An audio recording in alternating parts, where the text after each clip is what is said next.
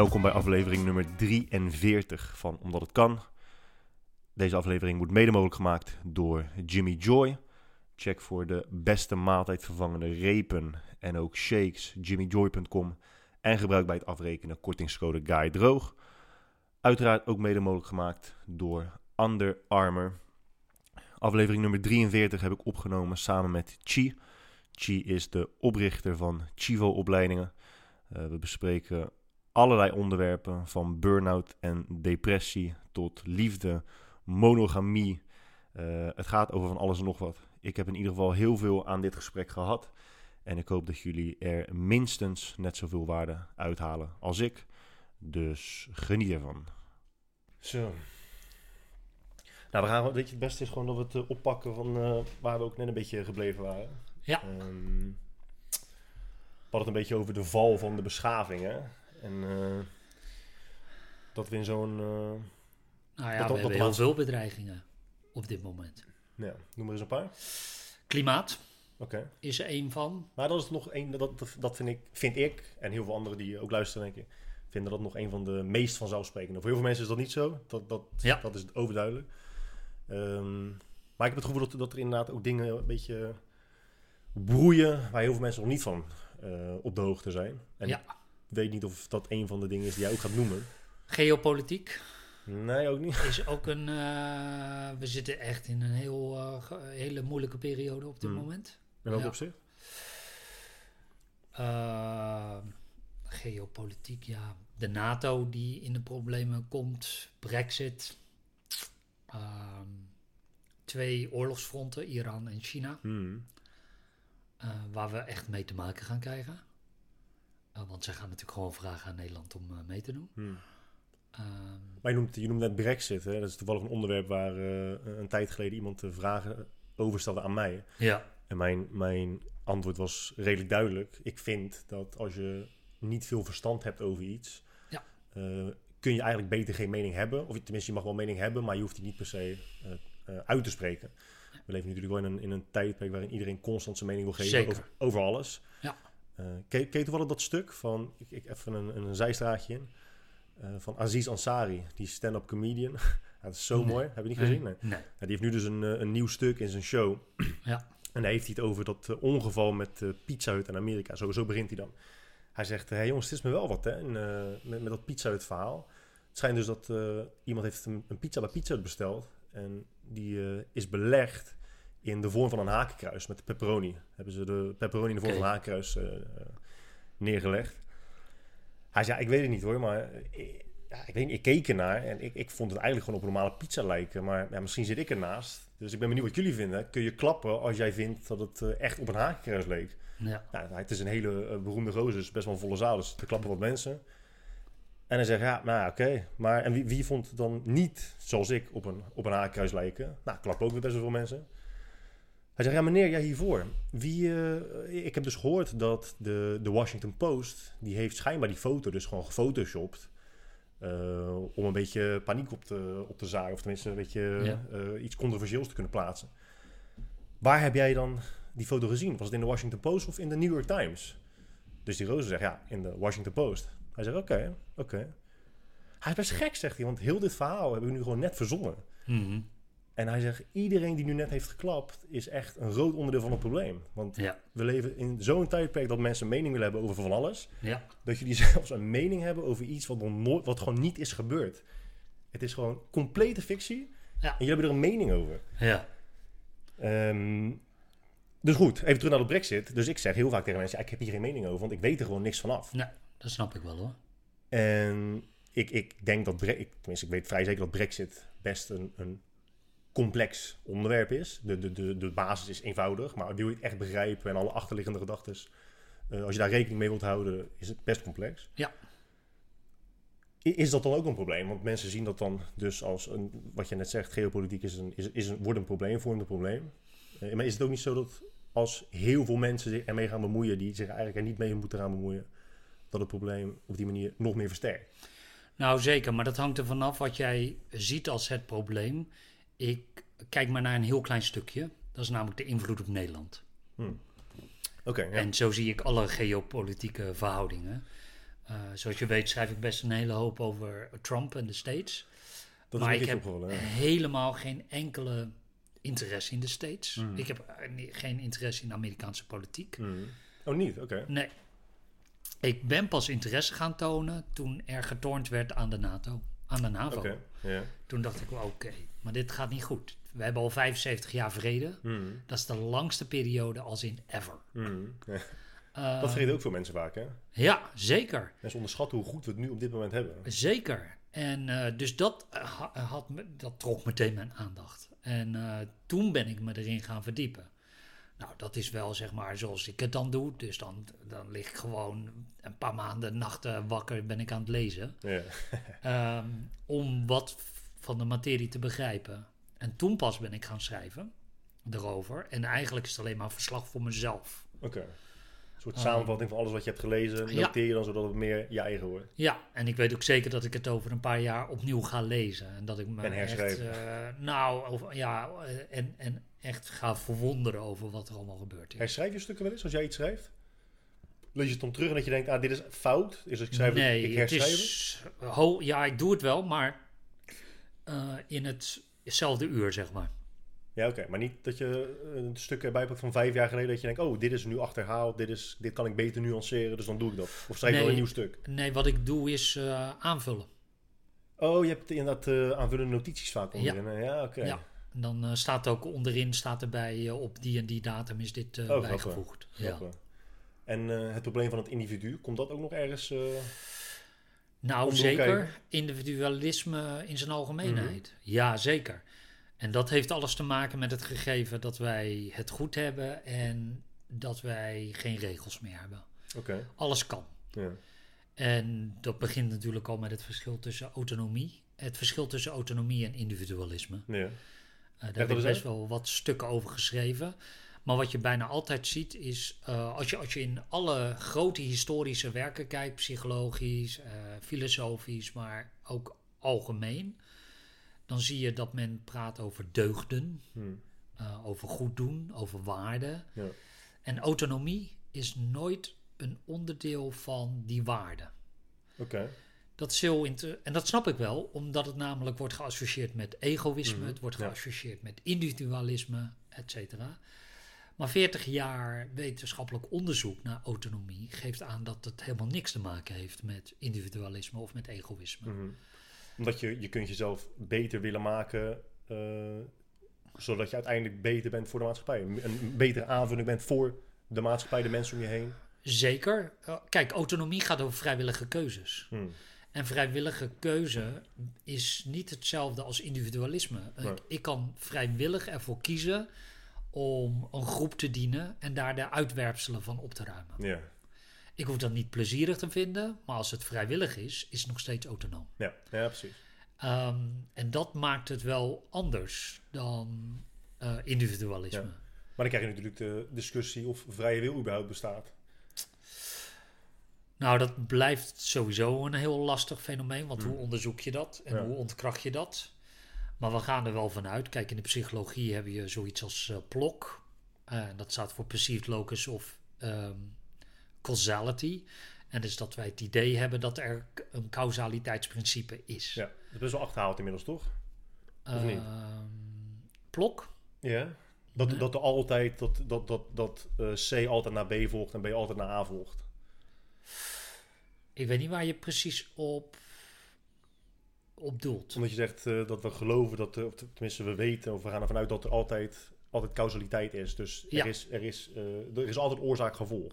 Ja, dat is, dat is wel het idee, ja. Ja, maar, maar wat, er is altijd ook iets voor. Dus, dus als B eh na A komt en C komt na B, Ja. causaliteit, Ja, wat komt er dan voor A? ja. Nog even los van het gegeven dat B C niet hoeft te veroorzaken. Nee, oké, nee, nee, precies. Ja. Als je, ah, maar als je causaliteit vereenvoudigd wilt, wilt Ja. uitleggen, dan... Ja, eh, maar wat komt er voor A? Dus dat, dat is een soort van kip-ei eh, verhaal bijna. Ja, Ja. ja. Maar ga verder. Ehm, dus blok, en dan heb je zeg maar I-blok en je hebt E-blok. I is intern, dus dat is het idee dat je dat zelf veroorzaakt. En extern. Dus dat is, dat is ingebakken. wij, dat is iets waar we naar streven. Het lijkt bijna een baasbehoefte te zijn. Hmm.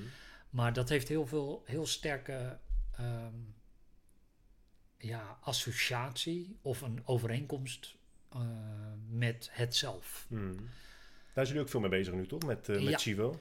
Zeker. Dus als je kijkt naar vrije wil en het zelf, is natuurlijk het idee van, ja, wat, wat, is, dan, wat is dan zelf? Ja.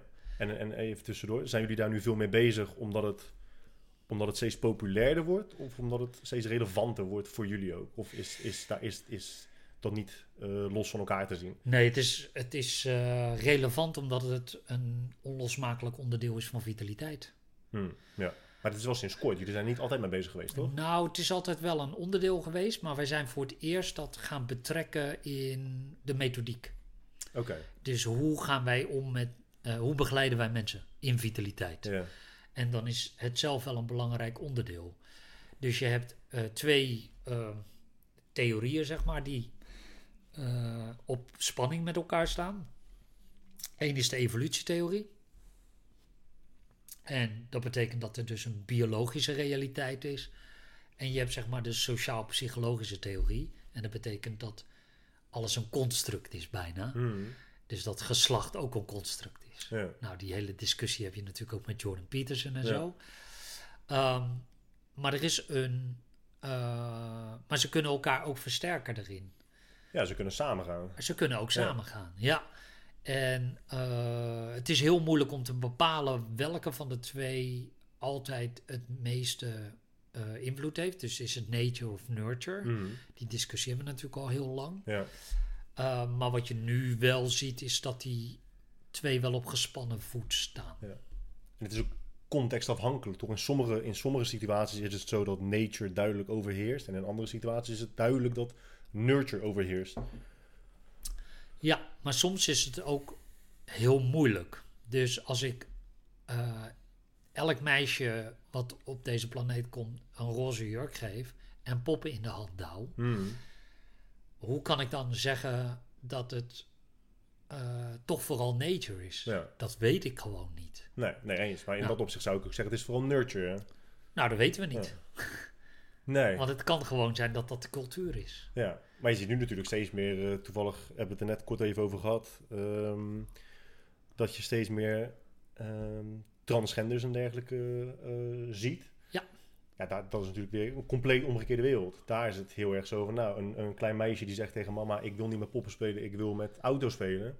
Ja, En die worden gewoon de komende vijf jaar alleen maar gebombardeerd met auto's. Kijk eens, hier je auto's, hier je, Ja. hier je mannelijke speelgoed, mannelijk speelgoed. zeker. Ehm, ja, dat, ja. ja, maar dan krijg je inderdaad weer het, weer het verschil tussen... dan weet je nog steeds niet of het nou nature of nurture... eh, Nee, er zijn een paar dingen. Als het gaat om transgenders is er natuurlijk wel wat observationeel onderzoek. En bijna al, in alle gevallen zie je dat als het voor de puberteit plaatsvindt, ehm, is dat je het een soort van zijn beloop moet laten gaan.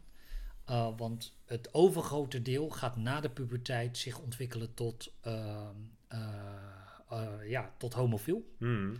In plaats van dat ze um, daadwerkelijk van geslachtsverandering ondergaan. Ja, precies, ja. Ja, Ja, voor mij heb ik dat inderdaad ook toen besproken met, uh, met Jan Kooijman, ja. ja. Um, nou goed, maar waar ik ook naartoe wilde gaan uiteindelijk... Uh, als het gaat over het uh, individu en het zelf... Ja. is natuurlijk het fenomeen burn-out wat je nu veel ziet. Ja. Tenminste, wat je, wat je veel ziet is dan echt een understatement.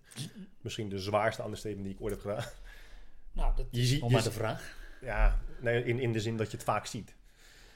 Maar Dat je het vaak ja, hoort. Ja, hoort, dat, is, oké, dat, ja, zo. dat, is, dat, is Ja. een goed, dat is een goed onderscheid. En dat je hoort het vaak. Dus, dus iedereen en zijn tante heeft tegenwoordig... Ja. spreekt uit dat hij een burn-out heeft. Ja.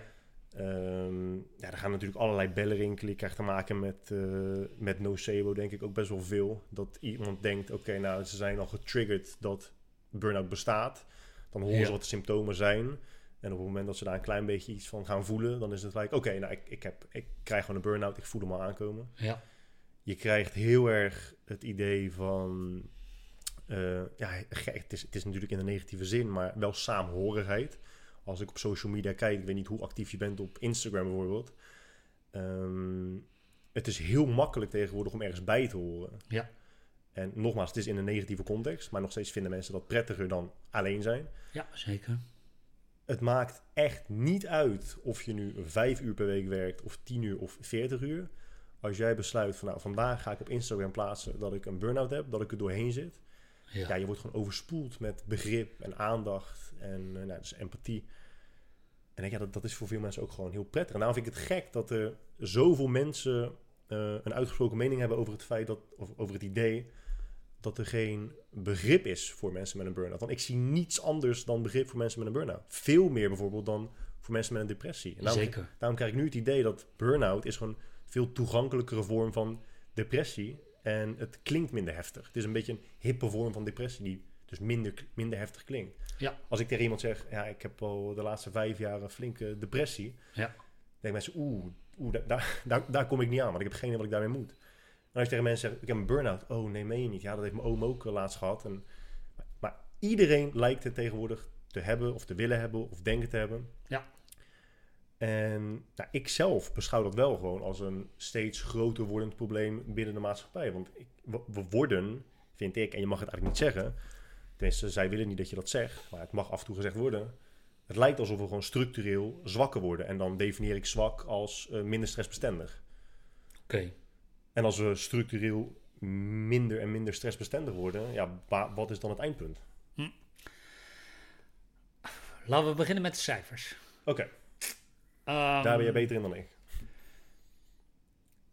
Formeel heeft 14% van de werkende bevolking een burn-out. Waarbij dus al is geconstateerd, gediagnosticeerd door een Ja, bevoegd persoon. In plaats van iemand op Instagram. ja, dat is één. Ehm, maar van die diagnose klopt eerlijk gezegd niet zoveel. Omdat die op lagere afkapwaarden zitten. Dus je hebt bijvoorbeeld een lijst, bijvoorbeeld de MBI, de Maslach eh, Burnout Inventory. En dat is allereerst geen diagnostisch instrument, maar die wordt al 40 jaar gebruikt. Eh, de afkapwaarde, Maar wat houdt, wat houdt het precies in? Dan stellen ze je een paar vragen. En als Ja. je vaak genoeg ja zegt, dan krijg je de diagnose burn-out. Precies. Oké. En de afkapwaarden liggen voor de diagnose veel lager dan de groep van Maslach zelf ooit heeft gedefinieerd. Oké. Dus er is een, waarschijnlijk een enorme overschatting van ehm, De mensen diagnose. Die, die het daadwerkelijk hebben. Ja, Oké. dus dat is, dat is één. Eh, want als we zeg maar de originele afkoopwaarde gebruiken, als die er al bestaan, want ook daar is nog discussie over, dan zit je op 6%. Oké. Precies. Van de mensen die dus gediagnosticeerd zijn door een professional. Ja, En dan negeer je alle mensen die gewoon denken te hebben. Of Precies. mensen die eh, de diagnose toegewezen, eh, toegewezen krijgen door een life coach of een Instagram coach. Die zijn er natuurlijk ook zeker. heel veel. Het tweede probleem is dat we eigenlijk burn-out niet kunnen di- diagnosticeren, omdat we niet weten wat het is. Ja. Dus We weten ook niet eens of het anders is dan depressie. Behalve dat het werkgerelateerd is. Mm, Dat is een Dus veronderstelling. Ja, ja, precies. Dat, dat lijkt de definitie te zijn. Ja, nou de definitie, kijk, je hebt de Maslach-definitie, dus dat is eh, cynisch, cynisme, ehm, emotionele uitputting of mentale uitputting, of hoe je het wilt noemen, en minder competent zijn op het werk. Het probleem alleen is, wij kennen ook heel veel mensen die niet werken, die voldoen aan die definitie. Mhm. En als je die mensen probeert te diagnosticeren op depressie, dan vallen de meeste ook, zouden ook depressief zijn volgens die definitie. Als je dan ook nog kijkt in de burn-out ehm, populatie, hoeveel mensen eh, voorheen al depressie hadden, dan is dat enorm hoog. Hmm. En het aantal wat al medicijnen heeft gekregen voor depressie. En de vraag is of er überhaupt een verschil is tussen burn-out en depressie. Ja. Dus nu kun je zeggen, nou, maar eh, eh, burn-out is heel simpel, want dat komt door het werk. Dus het gegeven dat er een oorzaak is, zou dan het verschil moeten zijn. Ja. Wat op zich een hele rare definitie is. En het is niet de eerste keer dat we dit gedaan hebben. DSM-4, dus zeg maar de, eh, het handboek voor de psychiatrie in de States, de vorige versie. Daarvan zei men, nou, je, je- we hebben depressie. We hebben eigenlijk vier soorten depressie. Maar ze zeiden, stel je hebt recent iemand verloren, dan ehm, ben je aan het rouwen. Hmm. Dat heeft dezelfde symptomen als depressie, maar dat noemen we het geen depressie. Ja, ja, precies. Omdat je direct een oorzaak kunt eh, aangeven. Nou, dat is hetzelfde als bij burn-out. Zou je zeggen, nou, lijkt op depressie. Walks like depression, talks like depression. Ja? But it's not. Uh, maar het is burn-out omdat je het kennelijk toe kunt wijzen aan het werk. En dat is best wel raar. Daarom hebben ze het in de DSM-5, hebben ze dat met rouwen eruit gehaald. Hmm. Want dan krijg je ineens discussies. Hoe lang mag je rouwen voordat het een depressie is? Hmm. Enzovoort. Ja. Dus de vraag is of um, burn-out niet uh, een vorm van depressie is. Als je al vier soorten hebt. Ik bedoel, je hebt atypische depressie, melancholische depressie. Uh, dus ja, je hebt seizoensgebonden depressie. Dus er zijn al verschillende vormen van depressie. Ja. Die zijn niet allemaal hetzelfde. Er zit een stevige overlap in. En burn-out heeft exact dezelfde stevige overlap met de rest. Ja, ja. Ja, en daarom, dat is dus wat ik net, net waardoor, ik mij, waardoor het mij zorgen baart, is dat het is een acceptabele vorm, het is een, geaccept, een maatschappelijk aanvaarde, een maatschappelijk aanvaarde vorm van depressie. Ja. Mensen vinden het minder erg om, om te horen te krijgen dat ze dus wellicht last hebben van een burn-out. Ja. Dat, want het, het, bevestigt ook ergens voor heel veel mensen, en het, ik weet dat ik generaliseer hoor, maar het is puur op basis van observatie. Het bevestigt ook voor heel veel mensen dat ze wel hard werken. Zeker. En tegenwoordig leven we ook wel in een cultuur dat als je hard werkt en je zegt dat je hard werkt en mensen zien dat je hard werkt, Zeker. is een vorm van status. Ja. En kunnen zeggen van nou, ik heb een burn-out, dus dat wil zeggen dat ik keihard heb uitgestoofd op het werk. Hier is het bewijs dat veel mensen eerder geneigd zijn om te grijpen naar um, de diagnose burn-out. Zeker. Dat, dat idee krijg ik wel. Ja. ja, en als je zegt dat je ongelukkig bent, dan ben je een loser. Ja, ja gelukkig, gelukkig zijn is een verplichting hè, tegenwoordig. Ja. Ja, dat, dat, dat is, maar het is ook gewoon vreemd. Ik bedoel, er zijn zo verschrikkelijk veel mensen die gewoon niet blij zijn op hun werk. Uh, wat ook niet in principe heel gek is. Ik bedoel, je doet het het merendeel van de dag. Je doet het merendeel van de week, het merendeel van het jaar ben je aan het werk. Uh, ga, maar iets, ga maar eens iets vinden wat je dus het merendeel van de dag doet. Ik weet dat je het niet letterlijk uh, het merendeel van de dag doet, maar wel een groot deel van de dag. Je leeft er naartoe, je wordt ervoor wakker. Je komt terug van je werk, dus je bent dan nog steeds vaak bezig met je werk. Je spreekt over je werk met je partner en met je vrienden en je collega's. Je bent altijd wel bezig met het werk. Zeker, dat is een onderdeel van je Ja. identiteit. Ga maar eens iets vinden wat je dus zo vaak en zo lang kunt doen, wat je ook structureel gelukkig houdt. Mensen varen daar al in als het gaat om een partner. Vind maar een partner waar je 30, 40, 50 jaar lang Ja, altijd gelukkig mee bent. maar vroeger hadden mensen dat ook zonder burn-out. Precies. En, en, maar dat is, dat is dus gek. Want Ja. ik heb dus het idee dat nu het beestje een naampje heeft gekregen, dat mensen, ja, dat mensen bijna gewoon. Ja, dat je gewoon, dat je gewoon een, een, een, een, een ne- nocebo-effect krijgt. Je hebt er ook eh 10, 10, jaar, 10, 15 jaar geleden, is dat volgens mij misschien, misschien rec- meer recent hoor, dat de eh, potentiële symptomen van een wifi, wifi-modem in je huis hebben, Ja. wat, wat dat allemaal zou kunnen veroorzaken. Zeker. En dat de massa daar opeens allemaal last van kreeg. Of met, we hebben toevallig net gereden. Eh, hoe heet het ook weer? MSG? Oh ja, Die, eh, Ja, in- E621, Ja, ja. Nou ja, daar kon je dus diarree en buikpijn van krijgen. Iedereen had er last van. Ja. En op een gegeven moment hoor je langdurig niks meer erover. En het verdwijnt gewoon. Niemand heeft het meer. Ik kan me niet meer herinneren wanneer ik voor het laatst iemand heb gehoord die RSI had. Een nee. paar jaar geleden had iedereen RSI. Nu heeft niemand meer RSI. Is RSI dan gewoon verdwenen? Of is, heeft RSI nooit bestaan?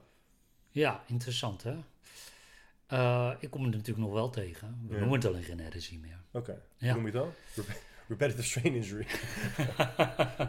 nee, nu wordt het, eh, wordt het veel. Ten eerste zijn we natuurlijk ooit gegaan naar nieuwe definities.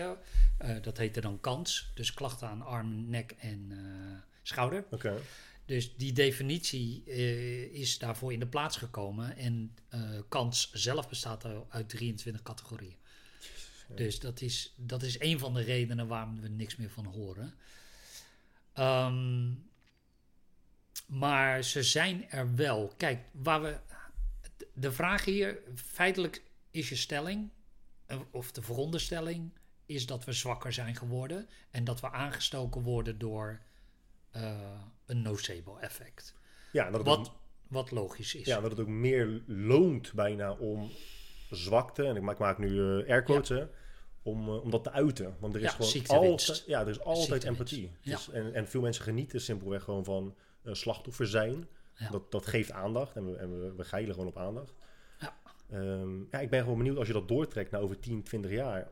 Hoe groot is de kans dat het echt een groot probleem is? Of wordt? Ik weet niet of dat het specifieke probleem is. We hebben een aantal zaken. Eh, er worden meer, meer generatie onderzoeken gedaan. Dus die over eh, meerdere generaties zijn uitgevoerd. Dus je kunt generaties ehm, vergelijken met elkaar. Hmm. Als je kijkt naar impulscontrole, is eh, zeg maar de laatste twee generaties, de millennials en eh, generatie Z, zijn beter Hmm. in impulscontrole. Beter? ja, Omdat we meer afleiding hebben? Of? nee, zijn beter. De scoren gewoon hoger op die impulscontrole testen. Dat is opvallend, hè? Maar worden er dan specifiek... eh, hoe, testen ze dat? Nou, er zijn. nou, eh, dat wordt een beetje lastig, omdat er wat discussies zijn over de soorten testen. Maar stroop test is bijvoorbeeld één van. Oké. En een stroop test is natuurlijk zo'n test waarbij er staat eh, rood.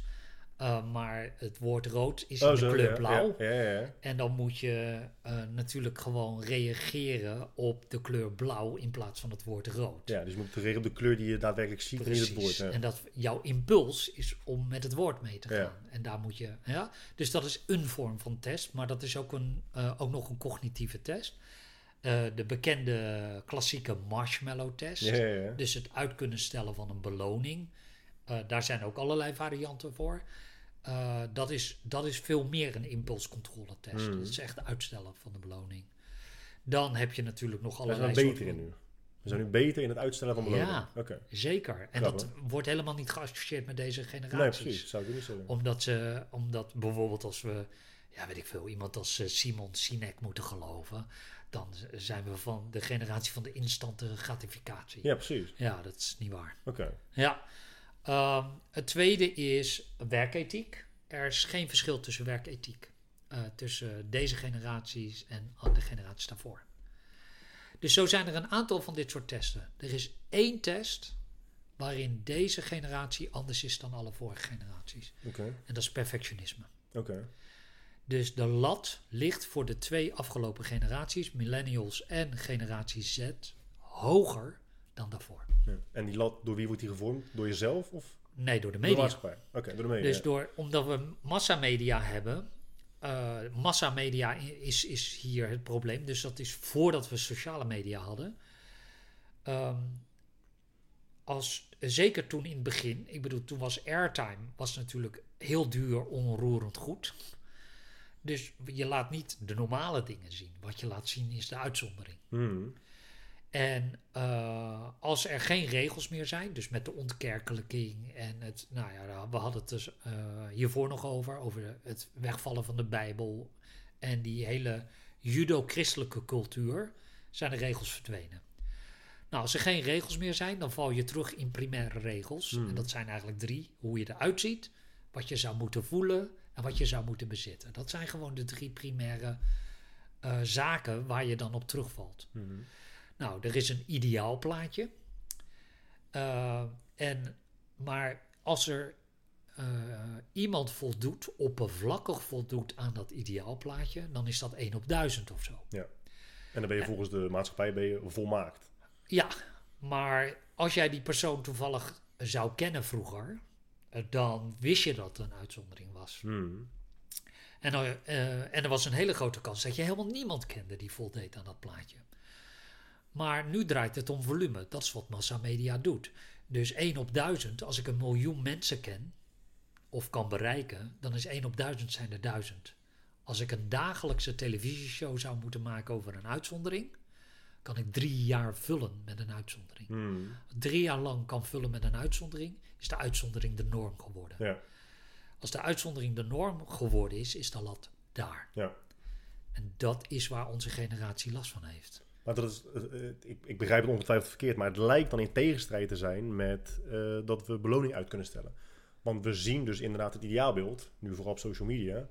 Dus je krijgt iemand te zien waarvan je denkt, ja, die is gewoon echt perfect. Ik wil dit ook. Ja, En dan ga ik direct mee aan de slag. ja, en dat lukt me niet en dat lukt me niet. Hoe kan dat nou? Want iedereen is zo. Kijk maar, want ik ken inderdaad duizend voorbeelden. Hoe kan het zijn dat ik niet zo ben? We hebben gewoon totaal niet het besef dat, even los van dat het überhaupt een uitzondering is, dat mocht je er ooit komen, duurt het gewoon verschrikkelijk lang Of je moet inderdaad geluk geboren worden. Maar dat is helemaal de uitzondering met uitzondering. Maar heel veel van die uitzonderingen zijn leeftijdsgenoten. Dat is ook Dus ja, ja. daar zit het probleem. En waar wij, waar wij echt. eh, dat, dat is omdat we te weinig metakennis hebben. We hebben gewoon het idee, eh, door zeg maar dat streven hè, naar plok, is dat je, dat, dat, dat je eh, heel makkelijk kunt schuiven op die schaal van zero naar hero. Hmm. En je, Overnight succes. ja, dus eh, dat is de Amerikaanse droom. En eh, als ik die schaal zou verdelen in vijf eh, stappen, dan is de, is de kans dat je van zero naar hero gaat is heel klein. En de kans dat je één stap opschuift, overschatten we met 500% Dat is redelijk Ja. wat, ja. Dus nu heb jij, nu is de hero is de norm geworden. Dat was vroeger niet zo. Hmm. Vroeger was gewoon, je, je bent voor een dubbeltje geboren, je wordt nooit een kwartje. Dus dat was de norm. En Hmm. daar ging je naar leven. Nu probeer je meteen naar hero te komen. Ja, 999 van de 1000 gaan falen. Ja, precies. Maar nu benoem jij het ook. Dus je, je, wil, je wil direct van zero naar hero, naar hero. Nou, ik wil, niet, ik wil niet eens zeggen direct. Zo snel mogelijk. Nou, zo snel mogelijk kan ook nog. Maar dat is als jouw leeftijdsgenoten de norm zijn. Is dat je norm? Ja. Dus is, is het dan onredelijk? Dus jij zegt het, het is onredelijk omdat. Nee, als dat de norm is, dan ben je, heb je geen gebrek aan impulscontrole. Nee, precies. Nee. nee, niet aan impulscontrole, maar wel aan, aan eh, niet per se directe gratificatie, maar wel zo snel mogelijk. Ja, maar omdat dat de norm is. Ja. Als, als, als de norm zou zijn dat je daar vijf jaar voor moest werken of tien Ja. jaar voor moest werken, Hmm. dan kan deze generatie dat ook. Ja, precies. Maar omdat je net zei dat, dat we juist een generatie zijn die niet zo zijn. We zijn niet van de directe gratificatie. Nee, klopt. Dus, ah, maar dat heeft, dat heeft altijd relatie met de norm. Oké. Dus als de norm zou zijn, het moet tien jaar duren, dan zou deze generatie daar waarschijnlijk ook echt tien jaar voor werken. Hmm. Vorige generaties zouden dat minder doen. Oké. Dus in die zin is impulscontrole. Oké. Maar als iedereen het dus kennelijk van eh, maandag op woensdag kan, dan is dat de norm geworden. En dan kom je donderdag, eh, ja, stort je van die roze wolk af. Ja, ja, ja. Ja, oké. Ja? Dus het heeft met verwachting te maken. Verwa- het is, impulscontrole kan losstaan van verwachting. En wij, wij koppelen verwachting aan instante gratificatie. Hmm. Maar dat staat los van impulscontrole. Ja, oké. En, en, en dit alles draagt dus gewoon structureel bij aan dat steeds meer mensen ehm, het idee hebben dat ze nooit kunnen voldoen aan wat de maatschappij van ze verwacht. Ja. En ja, die, die raken dus gewoon binnen no time eh, gestrest. Ja. Zodanig gestrest dat ze het allemaal niet meer eh, zien zitten. Klopt. En, eh, En dat komt omdat wij geen antwoorden hebben op de kernvraag. En de kernvraag is: wat is een goed leven? hebben, hebben we die niet? Wie heeft er een antwoord op? Ik, ik, ik kan een heel eind komen. Ik weet niet of ik het antwoord heb, maar Nee, ik kan precies. echt een heel eind Nee. komen. Nee, ja. Nee, Wat is een ja, goed leven? Wat is een goede relatie? Als we, als we genoeg mensen... Ja, nou, ja, Wat is een. Ja? Als we, als we genoeg mensen nemen die uit kunnen spreken van ja, ik heb een goed leven, ik heb een goede relatie. En Maar wat zijn dan de onderliggende factoren? Want ik kan jouw leven niet kopiëren en jij die van mij niet. nee, precies. Maar, de- maar het begint toch al bij eh, Griekse filosofie wat een goed leven zou moeten zijn. En, Maar ehm, autonomie maakt geen onderdeel uit van de Griekse filosofie. maar we zien daar wel minder ongelukkige mensen. Weet ik niet. Z- zijn we nu structureel gelukkiger dan 15 jaar geleden? Ja, 15 jaar. We zitten, we zitten natuurlijk, in- we komen nu net uit een tijd waarin het gewoon wel echt kut was. Eh, als we een paar honderd jaar terugkijken, ja, dan het is gewoon een stu- stuk minder prettig dan dat het nu is. Jazeker. Ehm, maar toch zijn we in een korte tijd, lijkt het in ieder geval, ehm, exponentieel ongelukkiger geworden. Is dat zo? Want wij doen het in Nederland heel goed. We hebben positie 6. Ja, precies, In de wereld. ja, we, we doen het goed. Ja. Eh, ook qua, qua geluksgevoel van, Ja, van mensen. zeker. Nummer 6 Ja, van Europa, van de wereld. van de wereld. Dat is wel veel, ja. Dat is hoog. Noorwegen is nummer 1. Oké.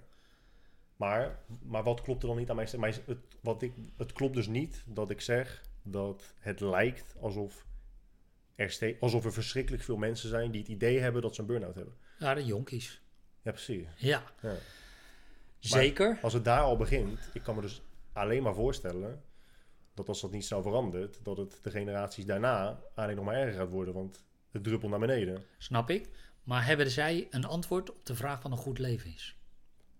Eh, of nee, moeten zij terugvallen op die drie primaire zaken? Hoe je eruit ziet, eh, hoe je moet voelen en wat je moet bezitten. Ja, ze, ze moeten daar niet op terugvallen, maar daar vallen ze wel op terug. Ook Ja. omdat ze gewoon hun... in- ze hebben gewoon veel minder... int- Ja, Ja. ontstaat die interesse wel na een periode van ongelukkig zijn. Dat ja, maar deze drie focuspunten worden structureel gecorreleerd met eh, nervositeit en depressie. Oké. Dus kijk, de vraag is altijd. ehm, Maar nogmaals, sorry dat, dat ik je onderbreek, maar Ja. Je, be- het, is, het is geen verplichting dat je op die drie primaire behoeftes terugvalt. Het is ook ergens een keuze. nou, dat is maar de vraag, want waar moet je anders op richten? Nee, Als dat- je dat nooit geleerd is. ja, precies, dat is het. Ja, dat is het. Ja, Ja. Dus, dus dan kom je weer terug nu op, op nature en nurture. Nou, de vraag is dan nog steeds: wat is dan wat is de definitie van een goed leven? Volgens Dan- mij. Nou ja, algemeen. Kijk, zij, het is heel duidelijk dat zij dat niet kunnen beantwoorden. Ja. Omdat ze zich daar ook niet mee bezighouden. Ze zijn alleen maar bezig met ik moet voldoen aan de lat die de maatschappij voor me heeft opgelegd. Nou, omdat zij denken dat dat het De antwoord is, op ja. de vraag. Ja, oké. Ja, ja, ja. Ja, precies. Dus zij, ja, oké. Want er is niemand anders eh, die het antwoord. Ja, ik bedoel, eh, of je moet terug naar de judo-christelijke cultuur. En dat werkt ook niet. Dat Nee. past niet bij deze tijd. Dat is redelijk duidelijk. Nou, Dus- zie je wel dat steeds meer mensen terug, tenminste, mensen vallen niet terug naar eh, dingen als boeddhisme in de westerse cultuur zijn nu ook wel meer in opkomst. Ja, maar dat komt omdat- ze boeddhisme niet begrijpen. Nee, maar wel omdat ze, ja precies. En daarom denken ze dat het voornamelijk te maken heeft met eh, terugvinden van jezelf, leven in het nu en dat dat automatisch zou Ja. resulteren in meer geluk. Ja, het, want het, het meest interessante aan boeddhisme is dat het zelf niet bestaat. Mm. Dus daar begint het al mee. Dat vrouwen ondergeschikt zijn. Ja, daar hebben we net ook het gehad. in- zwaar rancuneus is. Ja, ja. Want het zelf bestaat, ja, voor mij heb ik dat inderdaad gelezen. Kar- karma is een bitch natuurlijk. Ja, en, zo- en mensen noemen, mensen noemen eh, boeddhisme geen, geen religie per se, meer een, eh, ja, meer, ja, veel, veel mensen hebben dat toch. Als, als jij zegt ik ben boeddhist, dan zien mensen niet per se als religieus, zoals een, zoals een christen of een, of een moslim. Terwijl als je karma hebt, zou je eigenlijk, ja, iemand moet toch karma bijhouden voor je. Kijk, je hebt spiritualiteit. Dat betekent dat je het idee hebt dat, er, dat je verbonden bent op een grotere schaal. Hmm. En religie betekent alleen maar dat het georganiseerd is. Ja. Maar wat je ziet is dat het boeddhisme uitermate goed georganiseerd is. Hm. Maar niet zoals het christendom, want daar hebben we zogenaamde kerken en eh, dat soort zaken. Maar dat staat helemaal niet in de Bijbel. In de Bijbel staat alleen maar als je met drie man bij elkaar komt om over God te praten, is het de kerk. dus wij hebben een. Daarom zien we boeddhisme anders. Wij zien het omdat wij de kerk als een soort maatstaf hebben genomen. En het is geen kerk volgens die maatstaf, dus is het geen religie. Ja. Maar het is keihard een religie. Ja, ja. Ja? Maar, maar wat mensen met boeddhisme doen, doen mensen nu natuurlijk ook met het christendom. Ze halen er een paar elementen uit, want ze denken, oh, dit vind ik wel interessant. En dan maak ik mijn eigen spin-off maak ik daarvan. En dat doen mensen nu ook met, met boeddhisme. En dat past, goed binnen de westerse cultuur. Ze nemen meditatie. Ja. Ze nemen inderdaad tussen aanhalingstekens het spirituele, of de spirituele gedachte erachter. Ja. Eh, karma inderdaad, hè, doe goed en goed zal je toekomen. En dat is dan voor hun boeddhisme. Ja. Eh, ik heb ge- geen idee hoe we nu bij boeddhisme terecht zijn gekomen. Weet jij het nog? Mm, Dat mensen op zoek zijn naar antwoorden op levensvragen. Ja, precies. Ja. Ja. En eh, ja, dat is een raar. Kijk, heel, heel gek. Ik bedoel, vorige, vorige eeuw, in de jaren zeventig, is neoliberalisme al in opkomst gekomen. Alles mocht en alles kon. Eh, overheidsbemoeienis en zo, daar moesten we allemaal mee ophouden. Nou, dat heeft een tijdje goed gedaan. Totdat we in 2008 natuurlijk een enorme crash kregen. Eh, door het bankensysteem, vooral in de VS. En Obama heeft al die klerenzooi op moeten ruimen. Hmm. Eh, dat was natuurlijk wel het soort van het einde van het neoliberalisme. Maar in, eh, in de overheidsaanpak. Maar dat heeft het natuurlijk wel doorgezet. Alles mocht, alles kon. En nu voelen mensen zich rot. Maar dat mag nu ook Hmm. van mindfulness. Ja. Dus wat je nu ziet is dat mindfulness een neoliberale oplossing geworden is voor de teringzooi die we met ne- neoliberalisme hebben eh, veroorzaakt. En het is nog steeds geen oplossing. Maar ook het hele mindfulness concept lijkt gewoon door een heel groot deel eh, van de mensen onbegrepen te worden. Lijkt ook weer een, een hele creatieve spin-off te zijn geworden van wat het daadwerkelijk ja, niet per se moet zijn. Maar iedereen geeft er weer een beetje zijn eigen creatieve draai aan, zodat het past voor, eh, Ja. voor hen. Maar er is een basis en de basis is dat je je eigen gedachten observeert en emoties observeert zonder oordeel. Ja, in je mindfulness meditatie. ja, ja, precies. Dat is wel de basis, in welke variant dan ook. Ja. Maar wat dus de sprong die zij dan maken vaak, en ik zei niet dat jij dat doet, dat doe jij zeer zeker niet waarschijnlijk, maar de sprong die ze vaak maken, een kausaal verband tussen ehm, eh, zonder oordeel je gedachten kunnen ehm, ervaren, Ja. voorbij zien en eh, voorbij zien komen, voorbij voelen komen, Ja, eh, en dat het dan zou leiden tot meer geluk. ja Daarom mediteren mensen, toch? precies. Rust vinden en geluk vinden, maar Ja. er, er is geen kausaal verband tussen die twee. Nou, sowieso is dat nooit zo bedoeld in het, eh, in het boeddhisme. Nee. Eh, maar even los daarvan, oké, laten we gewoon die historie los. De vraag is, levert dit het effect op? Ja. En het antwoord is soms. Hmm. ja, eh, maar ook vaak niet. Als jij narcistische neigingen hebt en je gaat mindfulness meditatie doen, is de kans dat je narcistischer wordt, neemt toe. Oh, echt? Ja? Oh, Ja. grappig. Omdat jij zonder oordeel over jouw gevoelens. Ja. Ja. En waarschijnlijk is het ook zo, als jij een negatief lichaamsbeeld hebt en je gaat mindfulness meditatie doen, dan neemt dat toe. Hmm. Omdat jij zegt, ik mag daar niet over oordelen, over die gevoelens en die gedachten. Want het zijn maar gevoelens en gedachten. Hmm. En ik sta daar heel anders in. Ik zeg gewoon, dit is gewoon een kutgedachte en dan moet je me ophouden. Ja. Ja. Eh, dus, en doe daar gewoon wat aan. Ja. Dus dat is, en dat geldt voor al dit soort zaken. Het is dus een, een het, we, we stampen voort op het neoliberale gedachtegoed. En mindfulness is daar, zoals het nu wordt toegepast of wordt verkocht, is daar het, de ultieme ja, afgrond van geworden Hmm. eigenlijk. Want je hebt ook een keer iets, eh, iets verteld, voor mij was dat net ook even, dat het idee dat, dat eh, het kapitalisme, hè, dat dus de, de kapitalistische gedachtegoed, dat dat zou leiden tot meer geluk, is ook tot meer geluk, is ook eh, inmiddels achterhaald. Hè? Dus Ja. altijd, altijd meer en beter en sneller en groter leidt inmiddels niet meer tot meer geluk. Nee. Terwijl het is nog steeds datgene wat we allemaal massaal nastreven. Ja, er zijn eigenlijk twee zaken. Er is niemand. Ik heb ooit een student gehad die zei: Ik snap niet dat je niet gelukkig kunt zijn op een jetski. Hmm. Dat, en zij was echt gewoon eh, ervan overtuigd. Het was, je zag in alles in haar dat zij, dat zij met het idee worstelde. Ehm, dus dat is. Dus, en ze heeft natuurlijk gelijk. Eh, het, het, is, het neemt zoveel stress weg als je gewoon geld hebt. Want, dat, Dus- dat, want eh, even, even Ja. tussendoor, dat mensen zeggen geld maakt niet geluk, gelukkig, los van dat het een, een ongenuanceerde uitspraak is. Ja, Daar zit natuurlijk wel gewoon een kern van waarheid in. zeker. Want eh, gezondheids, gezondheidsproblemen en financiële druk zorgen bijna, bijna altijd voor een negatieve impact op het geluksgevoel. Zeker. Ja, maar ook gewoon eh, moeder zijn. Zorgt voor Ja, als je een kind krijgt, word je ongelukkiger. bijna altijd Bijna in altijd. de periode erna, Ja. maar niet voor de rest van je leven. Nee, nee als, als, nou dat is, hangt er vanaf eh, hoe rebels dat kind is. Hmm. Maar in de basis zijn overstijgende zorgen het eventuele geluk. Oké, Ja. Ehm, maar, daarmee zeg jij niet, neem geen kinderen. Voordat iemand het verkeerd begrijpt. Ja, precies. Ja. Eh, maar dat, dat, dat je daar per definitie gelukkig van wordt, is natuurlijk niet zo. Gezondheid is altijd lastig. Omdat wij geven natuurlijk niet om gezondheid. eh, totdat we gemiddeld hebben. Tot we gezondheidsproblemen hebben. Tot we 65 zijn ongeveer. Dat zie ik ook in de producten die gekocht worden. Eh, ik kijk altijd heel veel naar de analyses. Ik kijk bijvoorbeeld naar welke bladen er verkocht worden. Gezondheidsbladen zijn echt, worden, verkopen echt heel slecht. Hmm. Tenzij de doelgroep 65 plus is, Ja. dan verkopen ze heel goed. Dan hebben ze oplagecijfers boven de 100.000. En dan is de, dan is de, dan is de, sorry hoor. Dan is de kans dat je binnen nu en een aantal jaren iets op gaat lopen, iets krijgt, is natuurlijk al een heel stuk groter, iets, is een heel stuk realistischer dan als je 25, Dat is 30 bent. Zeker, één deel. En je hebt een, en je hebt een aantal zaken zijn minder belangrijk geworden. Je hoeft geen carrière meer te maken. Eh, er gaat niemand vragen om je sixpack. Eh, weet je, al dat soort Ja. dingen zijn ineens. Dus het is niet alleen maar dat deel. Het is ook dat je echt in een hele andere fase van Ja. je leven zit. Dus het, is, het werkt van allebei de kanten op. Het is en door wat je al hebt meegemaakt en door wat er nog komen gaat. Door Ja. allebei de kanten van. Zeker. Ja. Ja.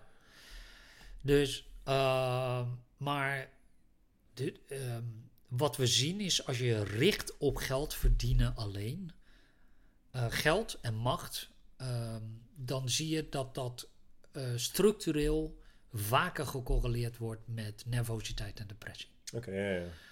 Dus de vraag is, wat moet je dan wel? Nou, gewoon richten op dingen die je leuk vindt en dingen die je belangrijk vindt. Uh, en daar moet een balans in zitten. Maar dat is wel. ehm, maar dat is heel lastig voor mensen om te bepalen. Dus richten ze zich weer op wat je zou moeten bezitten Hmm. en hoe je eruit zou moeten Ja. zien. Nou, dat kapitalisme zeg maar in de 21ste eeuw niet meer werkt zoals het in de 20ste eeuw heeft gewerkt, is omdat vroeger eh, economische groei per definitie leidde tot meer werkgelegenheid. Ja. En dat is niet meer het geval. Nee, nee, nee. Door automatisering, Zeker. robots, artificial intelligence. Ja. Ja. Ja, En dat neemt ook alleen maar toe. Dat neemt alleen maar toe. Kijk, nu, is, eh, nu zie je in elk. eh, je ziet heel veel eh, op Facebook. Koop lokaal. Steun de lokale economie. Hmm. Maar ja, dat, dat, dat, dat doe je één of twee keer. En nu zie je gewoon dat de winkelcentra. zie je gewoon eh, steeds vaker winkels sluiten. Ja. Je Ja, je ziet- hier ook waar we net zijn geweest, Nieuwe Binnenweg. Het is echt, het is, komt constant voor. Iemand opent een zaak. Het ziet er best wel leuk uit ook. Ja, Maar ja, een paar maanden later is het, is het gewoon weg. En dat gebeurt echt keer op keer op keer op keer. Want je hebt altijd goedkopere alternatieven die er, die er groter uitzien en mooier zijn. En het sneller doen en beter doen. ja, zeker. Dus het is lastig. En mensen kopen het online. Dat betekent dat dat deel van de werkgelegenheid verdwenen is. Wat dan toeneemt is zeg maar de UPS eh, en de DHL eh, en weet ik wat allemaal.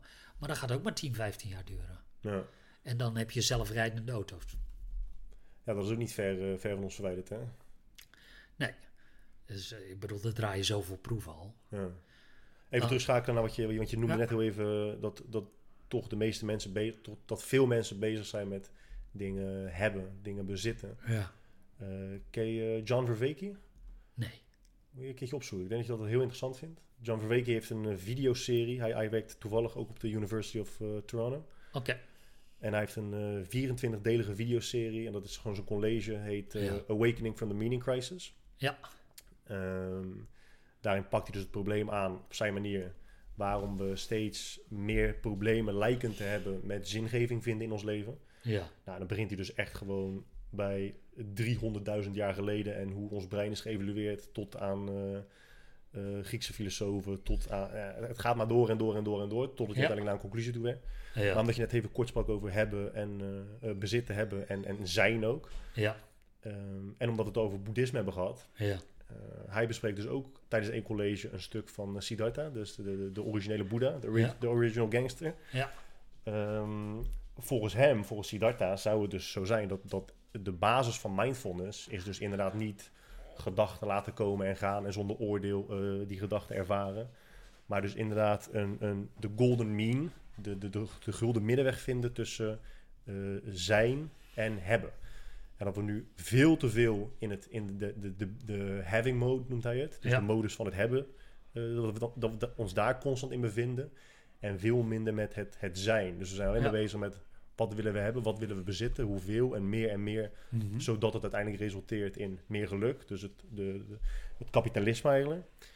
Terwijl we veel, minder moeten, veel meer moeten gaan zitten op, op het zijn. Wie willen we worden? Hoe willen we ons ontwikkelen? Eh, dat volgens hem, en hij gebruikt dus Siddhartha en zijn, eh, zijn eh, ehm, tekst als uitgangspunt, dat dat is eigenlijk de basis van mindfulness en, en het mediteren Ja. volgens boeddhistische principes. Ja.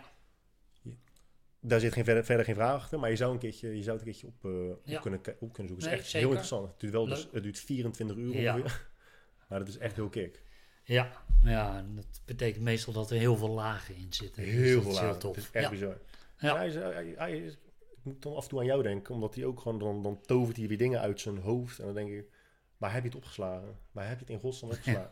Want het is echt de ene detail naar de andere in allerlei verschillende talen. Het is echt heel interessant. Ja. Hij heeft ook een keer, dat heb ik me laten vertellen, ik heb het nog niet gezien, heeft hij een eh, panel met Jordan Peterson dus. Ja. En dat hij moet Jordan Peterson zo vaak corrige- corrigeren, Ja. dat Jordan Peterson gewoon begint te lachen. En hij geeft hem volgens mij een high five. En hij, hij, hij kan alleen maar respect voor die rozer hebben. Ja. Het is heel mooi, het is echt heel interessant. ja, ja. Leuk. Altijd dat soort uh, vakidioten. Ja, John Verveek, ik zal het even Ja. opsturen naar je. Vind ik Eh, leuk. terugkoppelen naar, eh, naar burn-out. Concreet, wat, wat, wat, wat zou kunnen helpen om wat volgens mij een, een, een maatschappelijk probleem eh, lijkt te zijn, om dat beter te maken. Denk, zou het kunnen zijn, dat, dat idee heb ik af en toe, dat uh, neem bijvoorbeeld ziekenhuizen. Ik weet niet hoe lang dat geleden is. Ik denk 60, 70 jaar geleden. Dat er zoveel uh, mensen stierven. En dat we er op een gegeven moment achter kwamen van... hé, hey, misschien moeten we beginnen met onze handen wassen. En nu kijken we daarop terug.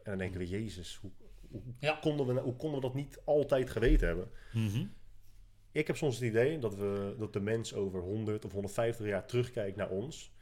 En denkt, jezus, hoe, kun- hoe konden die gasten nou denken... dat als ze heel de dag op hun telefoon zaten... dat dat een goed, dat dat een goed idee was. Ja. Want eh, er zijn natuurlijk genoeg mensen, het merendeel van de mensen zegt dat het alleen maar erger zal worden, omdat we steeds meer richting, eh, richting een, eh, een, een cyborg gaan evolueren. Mhm. Dat zijn wel in zekere zin. De meeste mensen die zitten constant met een telefoon in hun handen. Dus dat het alleen maar erger wordt, dat we straks een chip hebben in, in, ons, in ons hoofd en dat social media gewoon achter je oogbol te zien is. Mhm. Maar het zou ook kunnen zijn dat we op een gegeven moment van achterkomen dat het echt het allerslechtste idee ooit is geweest. Ja, dat dus, dus dus- feitelijk is dat En dat het compleet omkeert. Elon Musk's Neuralink. Ja, precies. Ja. Ja. Ehm, maar dat zie ik alleen maar als een symptoom. Wat zie je als symptoom? Nou, sociale media en dat soort dingen. Dat is alleen maar een symptoom. Kijk, wij, Dus ook tijdelijk, waarschijnlijk. nou, dat is niet de- oorzaak van ons probleem. We, hebben, we zitten met echt een aantal rare. ehm, in, in, alleen al in het veld van de psychologie heb je zes perspectieven. Je hebt een biologisch perspectief, je hebt een evolutionair eh, perspectief. Nou, je hebt een behavioristisch perspectief. Nou, zo zijn er heel veel van dit soort eh, zaken. En daar is best wel wat eh, strijd tussen. Maar ehm, een van de ehm, eh, perspectieven is eh, eh, sociaal-psychologisch perspectief. En binnen die sociaal-psychologisch perspectief heb je een theorie. En die theorie heet de zelfdeterminatietheorie. Hmm. Die theorie heeft meer dan 350.000 papers ter onderbouwing. En bijna niemand kent het. Ik heb het misschien een dag in mijn opleiding gehad. Eh, wij hebben in onze opleidingen, hebben wij psychologen zitten, die hebben het nog nooit gehad. Eh, om maar wat te noemen. Ja. En ik sprak Richard Ryan, eh, een van de grondleggers, in mei. En ik zei, "Ju- jullie marketing sucks gewoon. Ehm, en die theorie is echt buitengewoon complex. Er liggen heel veel onderliggende theorieën. Hoe heet het, zei je? De zelfdeterminatietheorie. Zelfdeterminatie. Kan je het een Maar- paar zinnen uitleggen? Zeker. Het gaat over motivatie. Maar, eh, en je hebt twee soorten motivatie. De motivatie die autonoom is. eh, en de motivatie die gecontroleerd is. Eh, en dat is niet helemaal hetzelfde als intern, oh, intrinsiek en extrinsiek. Maar als je het zo wil vertalen, is dat, is dat nog voorlopig Voor het, voor uitstekend. het gemak zou het kunnen. Ja. Ja. Hij zegt, waar jij zit, is afhankelijk van drie basisbehoeften. Psychologische basisbehoeften. En met waar je zit bedoel je waar je momenteel in het leven Ja, bevindt. meer autonoom bent of meer gecontroleerd. Oh zo, in het spectrum van die twee. Ja. Ja. Eh, drie eh, basisbehoeften. Namelijk gevoel voor autonomie. Heb jij het idee dat je vooral de hele dag dingen moet? Dat je geleefd wordt. Ja. Twee, sociale verbindenis. Maar, sorry dat je weer onderbreek. eh, het gevoel dat je dingen moet, daar schaart ook werk zich onder, toch? Je moet, je moet werken, je moet duur betalen, je moet belasting betalen. Dat Ja. valt er niet onder, of wel? Ja, nee, nou dat heeft weer met een ander fenomeen. Want je kunt dat allemaal moeten en toch autonoom zijn. Ja, oké. ja, oké. En dat heeft alles te maken met of jij eh, het accepteert als een norm. Mhm. Vind jij het normaal? Ja, ja. Eh, dus sociale verbindenis is een tweede. En dat gaat over betekenisvolle relaties. En de En dan, maar derde. dan krijg je weer de vraag van net. Mhm. Dan krijg je weer de vraag van net. Ja, Wat en- is in ieder geval volgens hen de definitie van een betekenisvolle relatie? Of is het gewoon hoe je het, hoe je het zelf ervaart? Nee, nee, er zijn best wel wat, eh, daar zijn we best wel achter hoor, hoe Hmm. dat werkt. En de derde is, eh, valt dan onder competentie. En competentie gaat vooral over meesterschap, maar ook over erkenning. Eh, dat zijn drie basisbehoeften. Dus dat je Als- niet alleen nuttig bent, maar ook de erkenning krijgt dat je daadwerkelijk Zeker. nuttig bent. Ja. Ja, eh, dat is onlosmakelijk met elkaar verbonden. Hmm. En ehm, die drie eh, als jouw behoeften daarin niet bevredigd zijn, of je behoeften niet, of vooral zelfs gefrustreerd zijn erin, dan krijg je dit soort rare uitspattingen. Hmm. Dus als je kijkt, als iemand hoog scoort op deze drie, scoort hij laag op de UBOS criteria, dus op de burn-out criteria. Oké, ja. Die inver, dat is een invers gecorreleerd en dat is heel structureel en consistent gebleken. Dus zelfdeterminatie houdt eigenlijk gewoon globaal in dat je enigszins ehm, een inschatting kunt maken van wie je bent, hoe je je beweegt door de wereld, of je nuttig als nuttig gezien wordt, of je eh, van waarde kunt zijn, of, dus of je leven waarde heeft. Ja. En ehm, in hoeverre je capabel bent om dat realistisch in te schatten. En daar komt dan voor jezelf een soort conclusie uit. Ja, het realistisch inschatten. Nou, het heeft wel heel sterk met gevoel te maken. Hmm. Dus dat, is, dat maakt het altijd lastig als wetenschap, hè? want het is fenomenologisch, Ja. dus geestelijk intuïtief. Ehm, Dat betekent dat het los kan staan van de daadwerkelijke realiteit. Dat, dat het Ja. niet overeenkomt met de daadwerkelijke realiteit. Ja. Zeker. En toch is het zo dat dat eh, de beste voorspeller is. Het is het beste voorspeller voor eh, productiviteit, het beste voorspeller voor geluk. Ehm, en hoe je dat invult is, ja, eh, hoe je die behoefte gaat bevredigen, dat vereist best een hele hoop kennis. Ja. Nou, deze theorie is veel meer geworden dan een theorie. Het is een meta-raamwerk geworden voor de psychologie. Hmm. Uh, en dat is echt heel belangrijk. Het is ook een heel belangrijk onderdeel in onze opleiding. Waarin we echt tot in de diepe spelonken van die theorie nu beginnen te duiken. Ja. Um, want wat je nu merkt is eenzaamheid. Hè. 1 miljoen mensen in Nederland hebben last van, van hebben, zijn eenzaam. Terwijl de wereld... eh, Ja, de telecommunicatie wordt beter, Ja, en, ja. eh, en, en, maar de communicatie wordt slechter. Nou, wat men uh, in de zorg en in de, ma de maatschappelijk werkers, die hebben het dan over sociale participatie. Wat natuurlijk gewoon flauwekul is, omdat uh, je eenzaam kunt zijn in je eentje. Hmm. Je kunt eenzaam zijn in een groep en je Ja. kunt eenzaam zijn in een huwelijk. ja, ja, Uh, hoezo sociale participatie? Daar draait het niet om. Het draait om betekenisvolle relaties. Nou, wat is een betekenisvolle relatie? Nou, allereerst dat er tussen twee of meerdere mensen iets intrinsiek is wat jullie delen. Nou, dat is echt een kwestie van gevoel. En daarmee bedoel je gewoon, gewoon eh, fundamentele basisovereenkomsten. Nou ja, dingen die je leuk vindt. Ja. Dus, dat, dus toch meer oppervlakkig eigenlijk. Gewoon, ook, al, ook al heb je niet echt... eh, nou, dat is één deel. ah, Het andere deel is dat je elkaars autonomie kunt uh, bevorderen. hmm. Uh, dat is een ander heel belangrijk uh, punt. Elkaars autonomie bevorderen. Ja, zeker. Dus, dus elkaar de vrijheid kunnen geven in zijn of haar eigen vrij Ja. zijn. Of zelfs faciliteren. Ja, precies. Dat je Ja, af en toe dus zegt, als- "Schat, ik ga een weekendje weg zonder jou.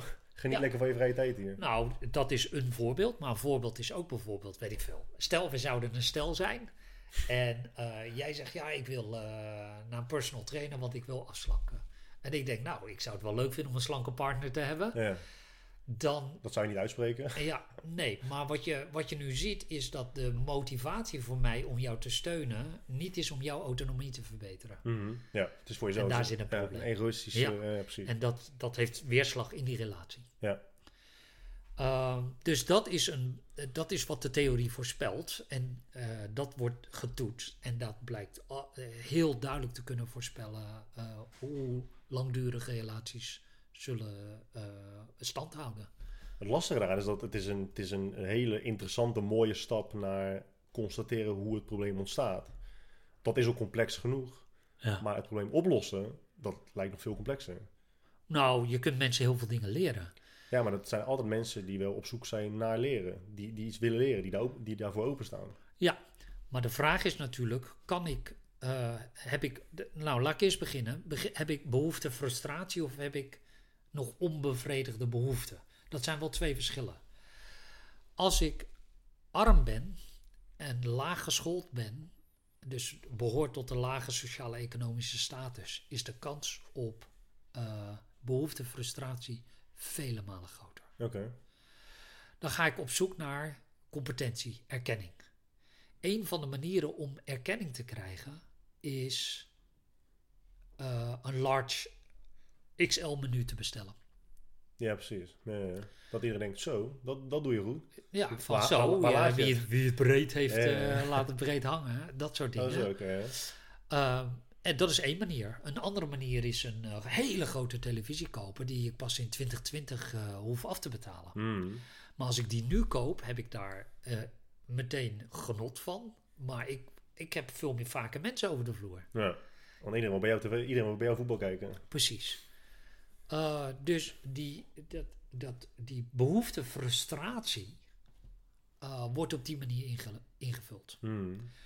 En eh, dat is een van de redenen waarom ons maatschappelijk probleem van overgewicht en obesitas niet opgelost gaat worden. En dat zien we de States is dat natuurlijk veel erger. Want daar is de verschillen tussen rijk en arm zijn daar veel groter. Hmm. Ehm, en daar heb je ook meer mensen met obesitas dan dat je mensen hebt met overgewicht. ja, is dat nu al Ja. zo erg, hè? Ja, zeven, ja zeker. Tweederde is, is, valt onder de categorie overgewicht. Eh, en van die totale, van die 100% is 37 heeft obesitas. Dus, eh, dus ja, zeker. Maar dan- dan zijn er toch nog steeds meer mensen die, die obese- Nee, dus de obese mensen hebben ook overgewicht. Ja, Dus eh, zeg maar Dus twee- 37%, nou 66% heeft overgewicht. ja. Maar 37% over het totaal is obese van, ja, van het geheel. Ja. Dus dan moet je 66 min 37, eh, dat is dan eh, wat je aan overgewicht hebt. Zeg maar. Ja, precies. Maar is dat, is, oh, dat is gewoon globaal, maar er zijn ook uitschieters beide kanten op, toch? Dat in Texas is het bijvoorbeeld nee, zeker. Ja, En in sommige staten is het weer een heel stuk minder. ja, maar armoede is daar wel een. eh, een eh, de, de grote verschillen tussen, tussen rijk en arm zijn daar heel, heel, is, is daar debet aan. Even heel, heel bazaal gezegd, geldt daar ook een klein beetje het 80-principe in? Dat gewoon in, in, in 20% van de staten 80% van de obesitas... eh ehm, Weet ik niet. Ik weet niet op staatniveau waar dat zit. Wat je bijna wel altijd tegenwoordig ziet, en dat is in Nederland ook, is dat de minder stedelijke gebieden een meer obesitas is. meer nog, terwijl ze daar Ja. minder tot hun beschikking hebben. Ja. Dat is interessant. Ja, Omdat ze daar, omdat, ja, omdat ze daar ook armer zijn. Tenminste, min, fi- financieel minder goed hebben. Zeker. Ja, ja. ja. En dat is ook wel met eh, ehm, experimenten bevestigd.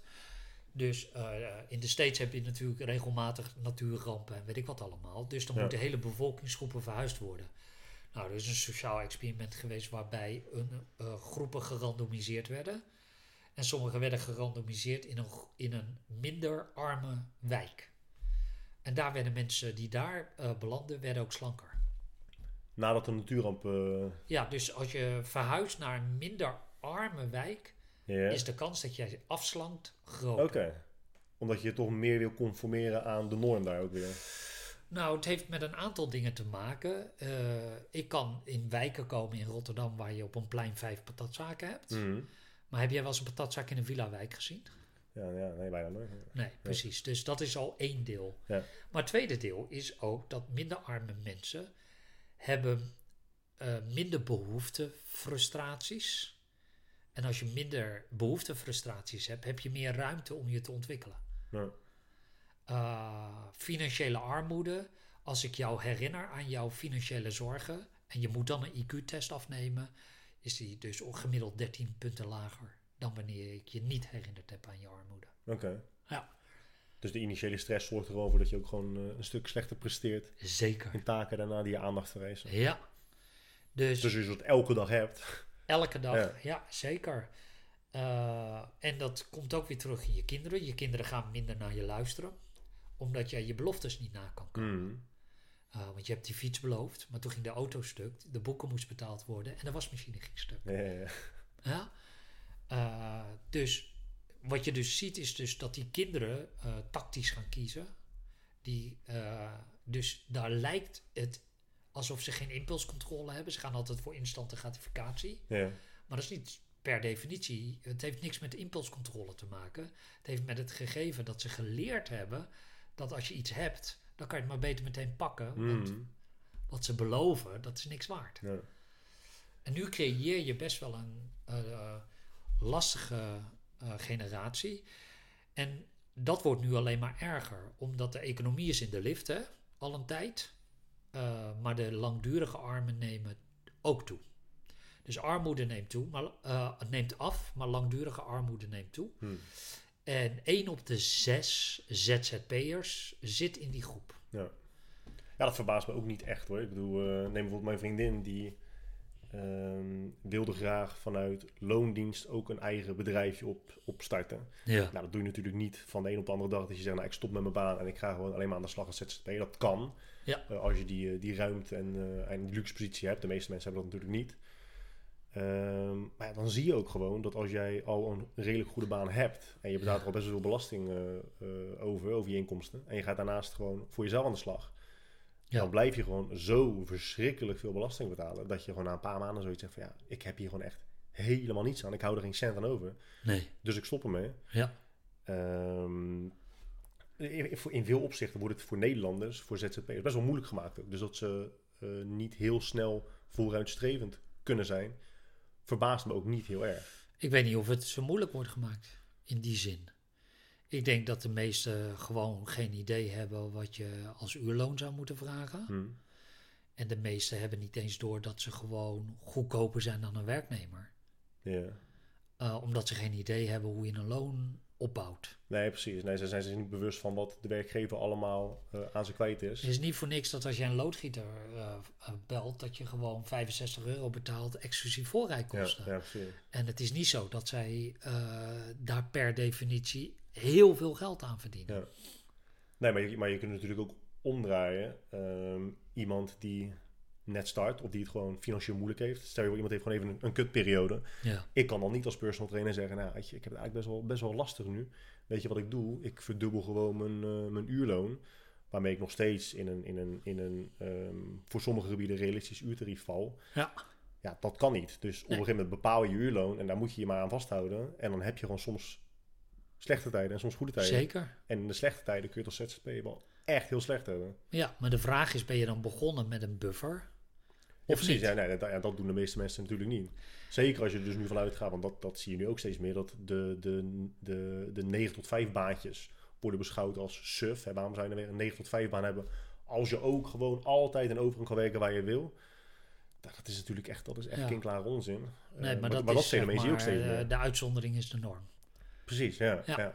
ja. dus dat, dat, maar dat fenomeen zie je ook steeds meer opkomen. Dat het 9 tot 5, eh, de 9 tot 5 mentaliteit is, is, is dom, is suf. Ja, Ach, is, is ouderwets bijna. Ja. En iedereen moet freelancer worden. En zo Ja. werken met mensen ook structurele problemen. ja. Zonder buffer, gelijk na school gelijk starten. Nooit een krantenwijk gehad, nooit iets aan ondernemen gedaan. Nee. Maar ja, nu heb je dus al, je hebt het nu het laatste uur, heb je al 500 verschillende problemen opgenoemd. Of potentiële eh, oorzaken van waarom mensen op dit moment. Nou, weet ik niet. Ja? Jij hebt er wel eens wat genoemd. Ik ga er nog steeds vanuit dat, eh, dat het probleem zit in het gegeven dat de uitzondering de norm is. Mhm. Het tweede is dat we geen regels hebben voor wat een goed leven eh, eh, is. Mhm. Dat zijn de primaire problemen. Wat is volgens jou een goed leven? Een goed leven is. ehm,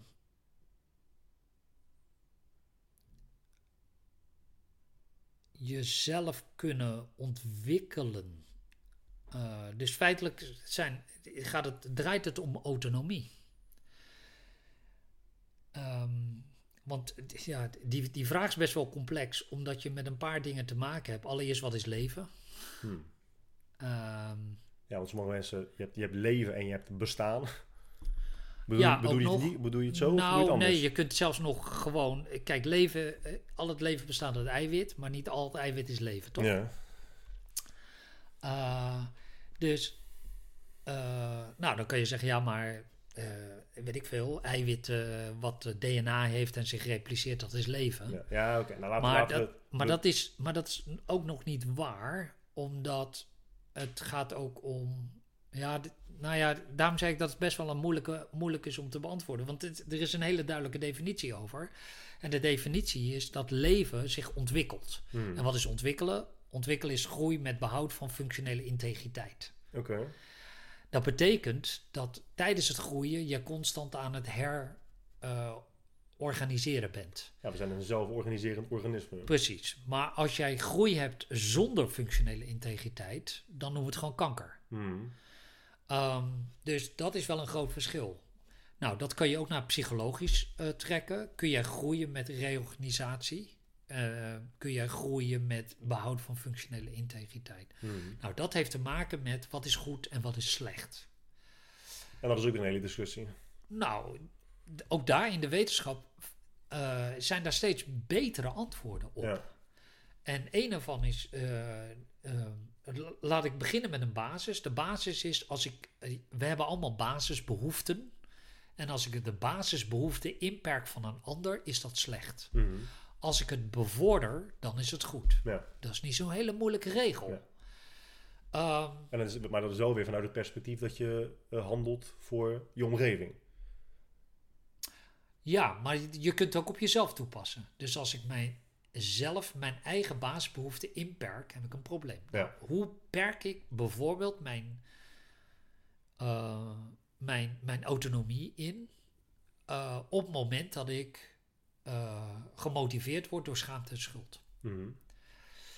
Uh, als ik een negatief lichaamsbeeld heb en ik laat me daardoor motiveren, dan praat ik veel vaker over uiterlijkheden en ik ben zeker niet slanker dan gemiddeld. Mhm.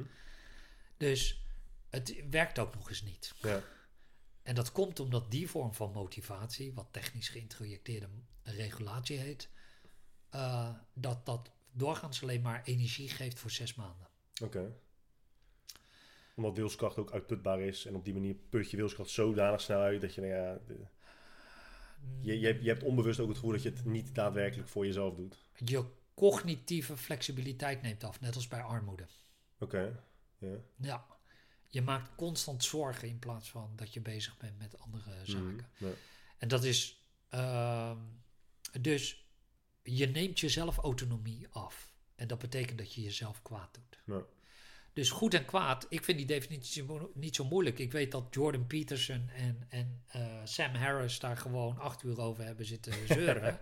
Ja, Sam Harris is ja, Sam- de uitspraak van de, de tenminste het idee van Sam Harris is, is ook wel redelijk simpel, toch? Hij zegt gewoon dat goed is, is eh, het streven naar zo weinig mogelijk leed voor zoveel mogelijk mensen. Maar dan moet je weer Ja. leed definiëren, maar dat hebben we net ook een beetje gedaan. Als we dan Ja. jouw jouw definitie voor leed Ja. zouden gebruiken, dan is dat toch Zeker. een redelijk simplistisch eh, idee. Ja, zeker. Toch? Ja, en dan heb ik alleen zeg maar de, eh, de onderliggende factoren benoemd. Ja. Feitelijk. Ja. Ja. Want er zijn er nog veel meer. Wat bedoel je met, ik heb alleen, want dat zijn tot enige factoren die er op dit... eh, Nee, er zijn er meerdere. Nee, zeker. Ik bedoel, eh, zuurstof is ook een. eh, is ook handig. Ja. Ja. En dan kun je nog zeggen wat is erg kwaad en minder erg kwaad. Ja, het is ook geen goed of het is ook geen, het is ook geen binair iets natuurlijk. Nee, dus daar kun je ook definities. Nou, dat heeft met intensiteit en duur te maken. Als ik jou doodmaak, dan is de intensiteit heel hoog en de duur heel lang. Waarin ik jou inperk op je basisbehoeften. Ja, ja. Dus dat is erger kwaad dan wanneer ik het kort doe, toch? Ja. Ehm, dus ook daar zijn best wel eh, eh, kwantificeerbare regels van te maken. Ehm, het moeilijkste wordt vooral dat als wij samen in één huis moeten wonen, dat wij compromissen moeten maken. Dus per definitie iets van onze autonomie moeten gaan inleveren. Hmm. Tenzij je dus voor kiest om niet samen te... Ja, Nou, soms kan je niet anders. oké. Ja, Eh, als we daarvan uitgaan, Om welke, ja. Dus daar zit eh, vooral het grijze gebied. Ja. Maar wat goed en slecht is, is eigenlijk niet zo heel moeilijk. Hmm. Maar diezelfde regels zijn dus ook toepasbaar op je eigen leven. Dus als je een goed leven wil, dan moet je een manier zien te vinden om je behoeften en frustraties te kunnen identificeren en die op te lossen. Dan kom je uit een overleefstand, zoals we dat noemen in de vitaliteit. Maar dat wil nog niet zeggen dat je een, een richting hebt in je leven. Hmm. En dat heeft te maken met eh, het kunnen bevredigen van diezelfde behoeften. Ja. Het gegeven dat je geen frustraties over hebt, wil niet zeggen dat je ze hebt bevredigd. Nee, nee, nee. Uh, dus dat is zeg maar de tweede stap. Maar je zegt het, het definiëren van goed en slecht is niet heel moeilijk. Ben ik met je eens, wetenschappelijk gezien. Hè? Dat, dat Ja. benadrukt je zelf ook. Ja. Als we kijken naar, volgens mij in Amerika is het nog steeds zo dat het merendeel gewoon in God gelooft. Zeker. Toch? Dat is best een, eh, best een, groot, eh, een groot deel. Hun Ja. definitie van goed en slecht eh, varieert weer heel erg van wat jij net doet. Niet heel erg, maar er komen dan nog allerlei andere factoren bij waar je wel rekening mee dient te houden. Ja. Als jij, eh, Maar daarom gaat het ook zo goed daar. Nee, maar stel je, je bent, eh, je bent praktiserend moslim. eh, dan is zes keer per dag bidden bijvoorbeeld... Is, is wel een van de dingen die je zou moeten doen... wil je jezelf een goede moslim noemen. Ja. Dus zo zie je dat de definitie van goed en slecht... is nog eh, zo variabel voor zoveel, zo verschrikkelijk veel mensen. En ik zie ook het voordeel in van kijken naar... naar wat zegt de wetenschap over die twee termen. Zeker. Maar laten we eerlijk zijn, de meeste mensen zijn daar en zullen daar nooit mee, eh, zichzelf mee bezighouden. Ja, maar het, het interessante is dat bijvoorbeeld met zes keer bidden per dag is niet onverenigbaar. Maar als de meeste, als de meeste mensen. De me, het is moeilijk om, om daar een, een, gepast woord voor te kiezen. Dus laten we gewoon zeggen, veel mensen. Als Ja. we ervan uitgaan dat veel mensen ehm, zich meestal overgeven aan het gevoel van ongelukkig zijn. Eh, veel mensen accepteren eh, middelmatigheid. Hè, die denken van ja, dit is het, dit is gewoon prima, het zal allemaal wel. Ja, ik ga wel naar mijn werk, het, het, het is allemaal goed. Zo, Ja. zijn er, zo zijn er genoeg. als ze het ook echt accepteren, hebben ze geen probleem. Nee, maar ik denk niet dat de meeste mensen dat, dat echt accepteren. Ik denk dat je dat jezelf vooral wijs maakt. Je, kan, je kunt niet tegen jezelf liegen, maar je kunt jezelf wel voor de gek houden. Ja. Ehm, en dat, dat was dus mijn vraag. Maar de vraag is, houden ze zich voor de gek of hebben zij opgegeven, hebben ze iets opgegeven wat sowieso nep is? Ja. Namelijk de uitzondering die de norm is Hmm. geworden. Maar dan kom je dus weer op de vraag van... Oké, we weten hoe we het kunnen definiëren. We weten waarschijnlijk eh, wat, een goed, wat een stap is in de goede richting. Om weer zoveel mogelijk naar het goede te gaan en het slechte zoveel mogelijk achter ons te laten. Maar als de meeste mensen, als veel mensen zich daar gewoon niet mee bezig zijn... zich daar niet mee bezighouden, hoe gaat, hoe gaat het dan ooit beter worden? Het gaat beter worden als we gaan accepteren dat neoliberalisme niet werkt Hmm. en dat wij eh, maatschappelijk eh, maatregelen moeten nemen. Dus eh, je hebt dat stuk ooit een keer van mij gelezen over een pleidooi voor het basisinkomen. Ja. Dat is heel duidelijk een maatschappelijke beslissing. Hmm. Eh, omdat het neoliberalisme dat niet gaat oplossen. Ja. Dus als we die beslissing gaan nemen, dan kun je ook andere beslissingen nemen. Ja. Om te zorgen dat mensen bijvoorbeeld geen behoeftefrustratie meer hebben. Maar streven naar die uitzondering, dat streven, dat wordt alleen maar sterker als je behoeftefrustratie hebt. Hmm. Dus laten we eens beginnen met het wegnemen van die behoeftefrustratie. En, en armoede is daar bijvoorbeeld gewoon één van. ja. Ehm, Je had het net, eh onderbreek je weer, hè? maar je had, het net, je had het net over er- erkenning. Dat Ja. erkenning een van de basisbehoeftes eh, is. Is het dan veilig om te stellen dat, je hebt ongetwijfeld Jordan Peterson ook wel eens gehoord over eh, hiërarchieën van bekwaamheid. Ehm, en als je dus de hiërarchie van bekwaamheid neemt en de ene persoon is gewoon beter dan de ander als het Zeker. gaat om bepaalde, bepaalde taken verrichten. Als al die, al die personen binnen die hiërarchie hetzelfde inkomen krijgen, eh, je zou dan logischerwijs kunnen denken, nou ja, die mensen die dan bovenaan die ladder staan, die krijgen hetzelfde betaald als mensen die aan. maar dat is niet krijgen- waar ik voor pleit. Maar je pleit voor een basisinkomen, toch? Ja, Maar leg eens uit dan. een basisinkomen betekent dat eh, iedereen, ongeacht zijn achtergrond... Oh, dat is het. Sorry, ik begreep je Ja. verkeerd. Ja, ja, ja. Dus je, je nee, pleit niet voor iedereen hetzelfde communisme. Nee, je pleit niet dat iedereen hetzelfde verdient, maar dat, dat er in ieder geval geen... Dat, dat het minimumloon moet eigenlijk gewoon verhoogd worden. Zelfs als je niet werkt. Zelfs als je niet werkt. Ja, ja. Want dat Sorry, heeft als voordeel dat als jij huismoeder bent en voor kinderen zorgt, dat je gewoon een inkomen hebt. ja, ik begreep je verkeerd. Ja. Ja. Nee, ik, ik ben, pleit niet voor communisme. Nee, oké. Ehm, maar ik pleit wel voor het gegeven dat wij kapitalisme overschatten, ook als innovatiemotor. Ja.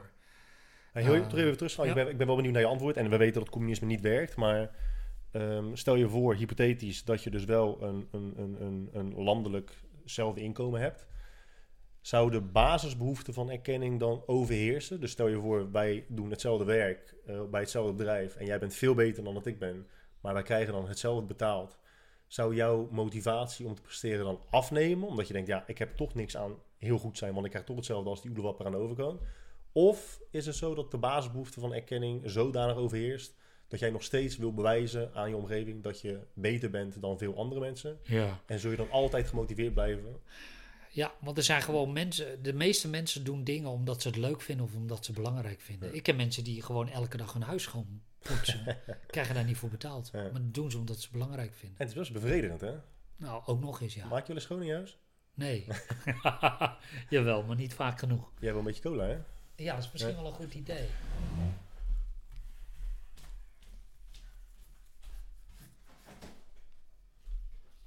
Als je het afgekapt moet zeggen. Nee, we kunnen eh, door blijven kletsen, toch? Tenminste, tenzij jij denkt, nou, ik ben er ook klaar mee. Nee, nee, ik hoef, ik hoef nergens te zijn. Nee. Ik ben al thuis, hoor. Zo. Nee, dat is echt een, eh, een misverstand. Het misverstand is dat geld een, een hele duidelijke drijfveer is. Die is er wel, maar meestal door mensen met een behoeftefrustratie. Dus als dat dan eh, je drijfveer is, dan ga je zien dat je een grotere kans loopt op nervositeit en depressie. Ja. En dat is wat we nu, dat 40 jaar onderzoek, onderzoek naar onderzoek naar onderzoek, heeft dat, toont dat gewoon aan. Zo consistent. Maar dat komt omdat je, het komt niet, nogmaals, het komt niet per se omdat eh, geld hebben eh, niet gelukkig maakt. Maar het komt omdat je je, je geluk daadwerkelijk afhang, afhankelijk wordt van het bereiken van dat financiële doel. Ja, Dat is het. je hebt een frustratie en dat denk je materieel op te Ja. kunnen lossen. En, het, en, en, en, en eh, het probleem dient eigenlijk op zo'n manier aangepakt te worden dat je moet kijken naar je karakter, hoe je bent. En dat het wellicht verstandig is om dat aan te pakken en je te realiseren dat je het daar nooit gaat vinden, het, het geluk. En dat je het wellicht ergens anders moet gaan Ja, zoeken of niet moet beperken tot één aspect uit je leven. nee, inderdaad. Dat ene aspect is al een heel, heel groot probleem.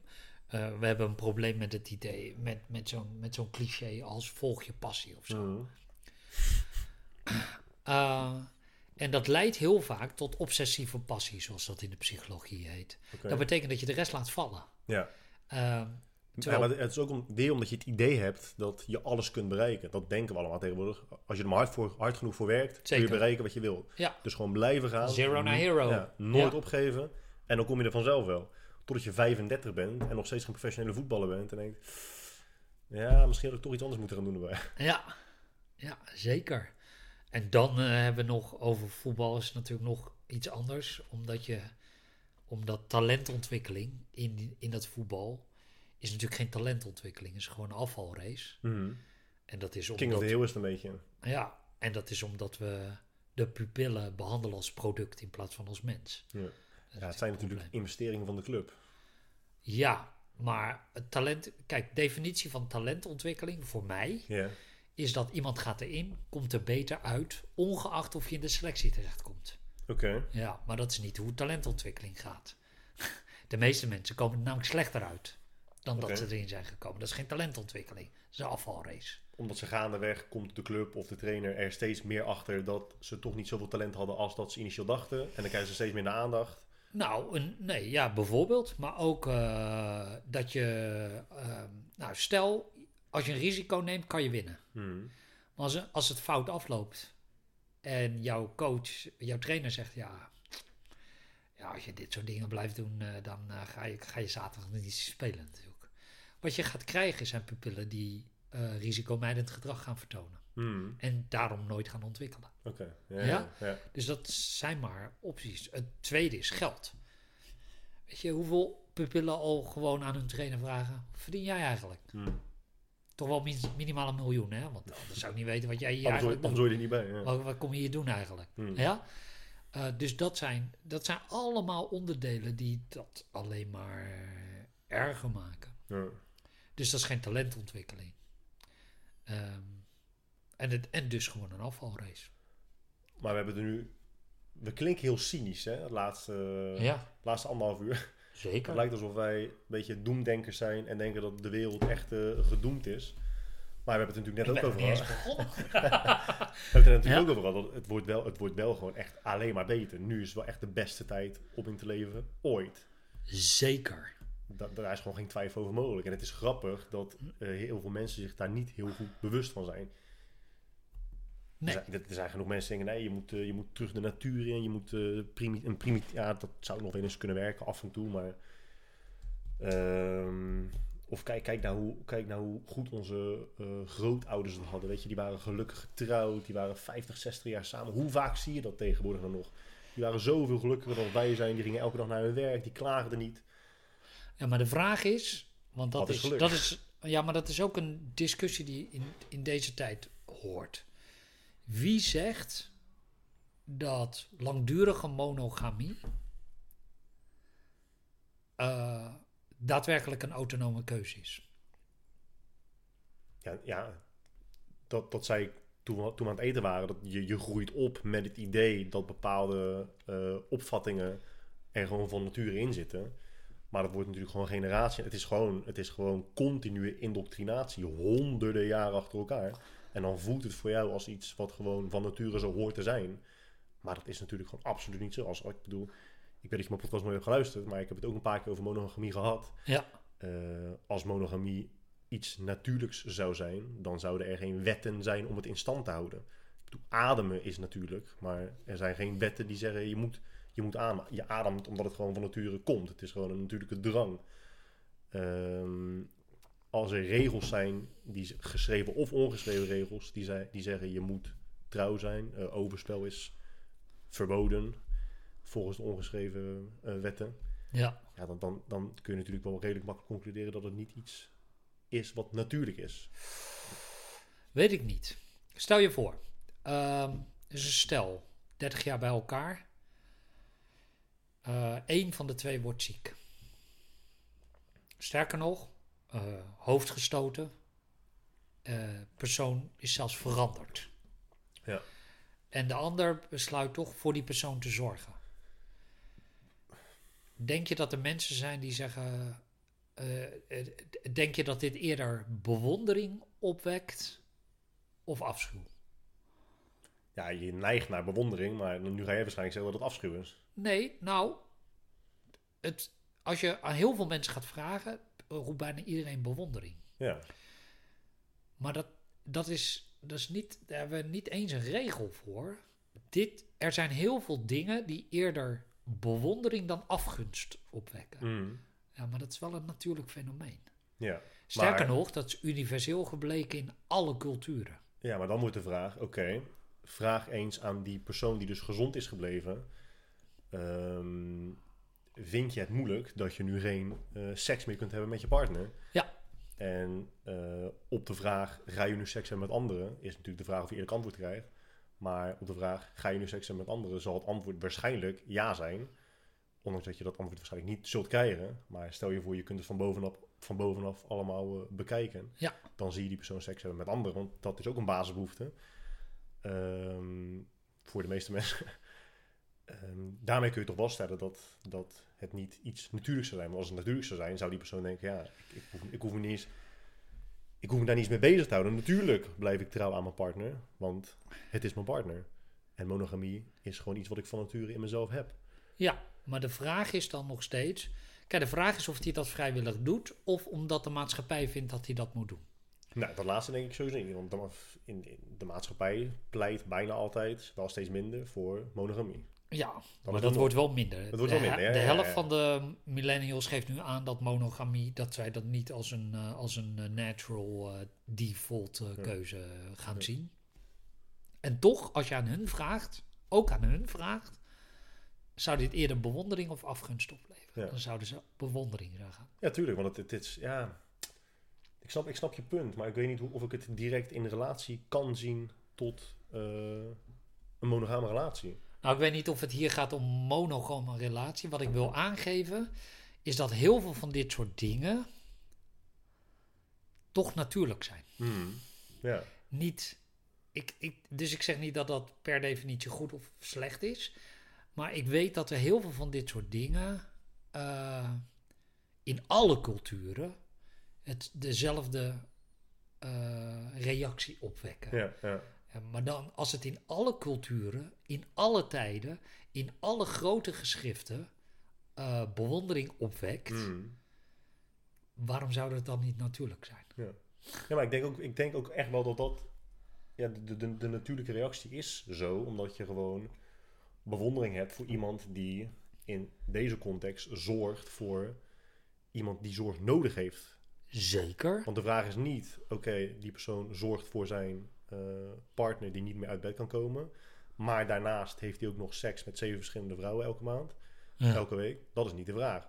Want, dat, want als, als je dan zou vragen, werkt dat bewondering op of, af, of afschuw, afgunst, of uh, afkeer, zei je toch? Wat zei je?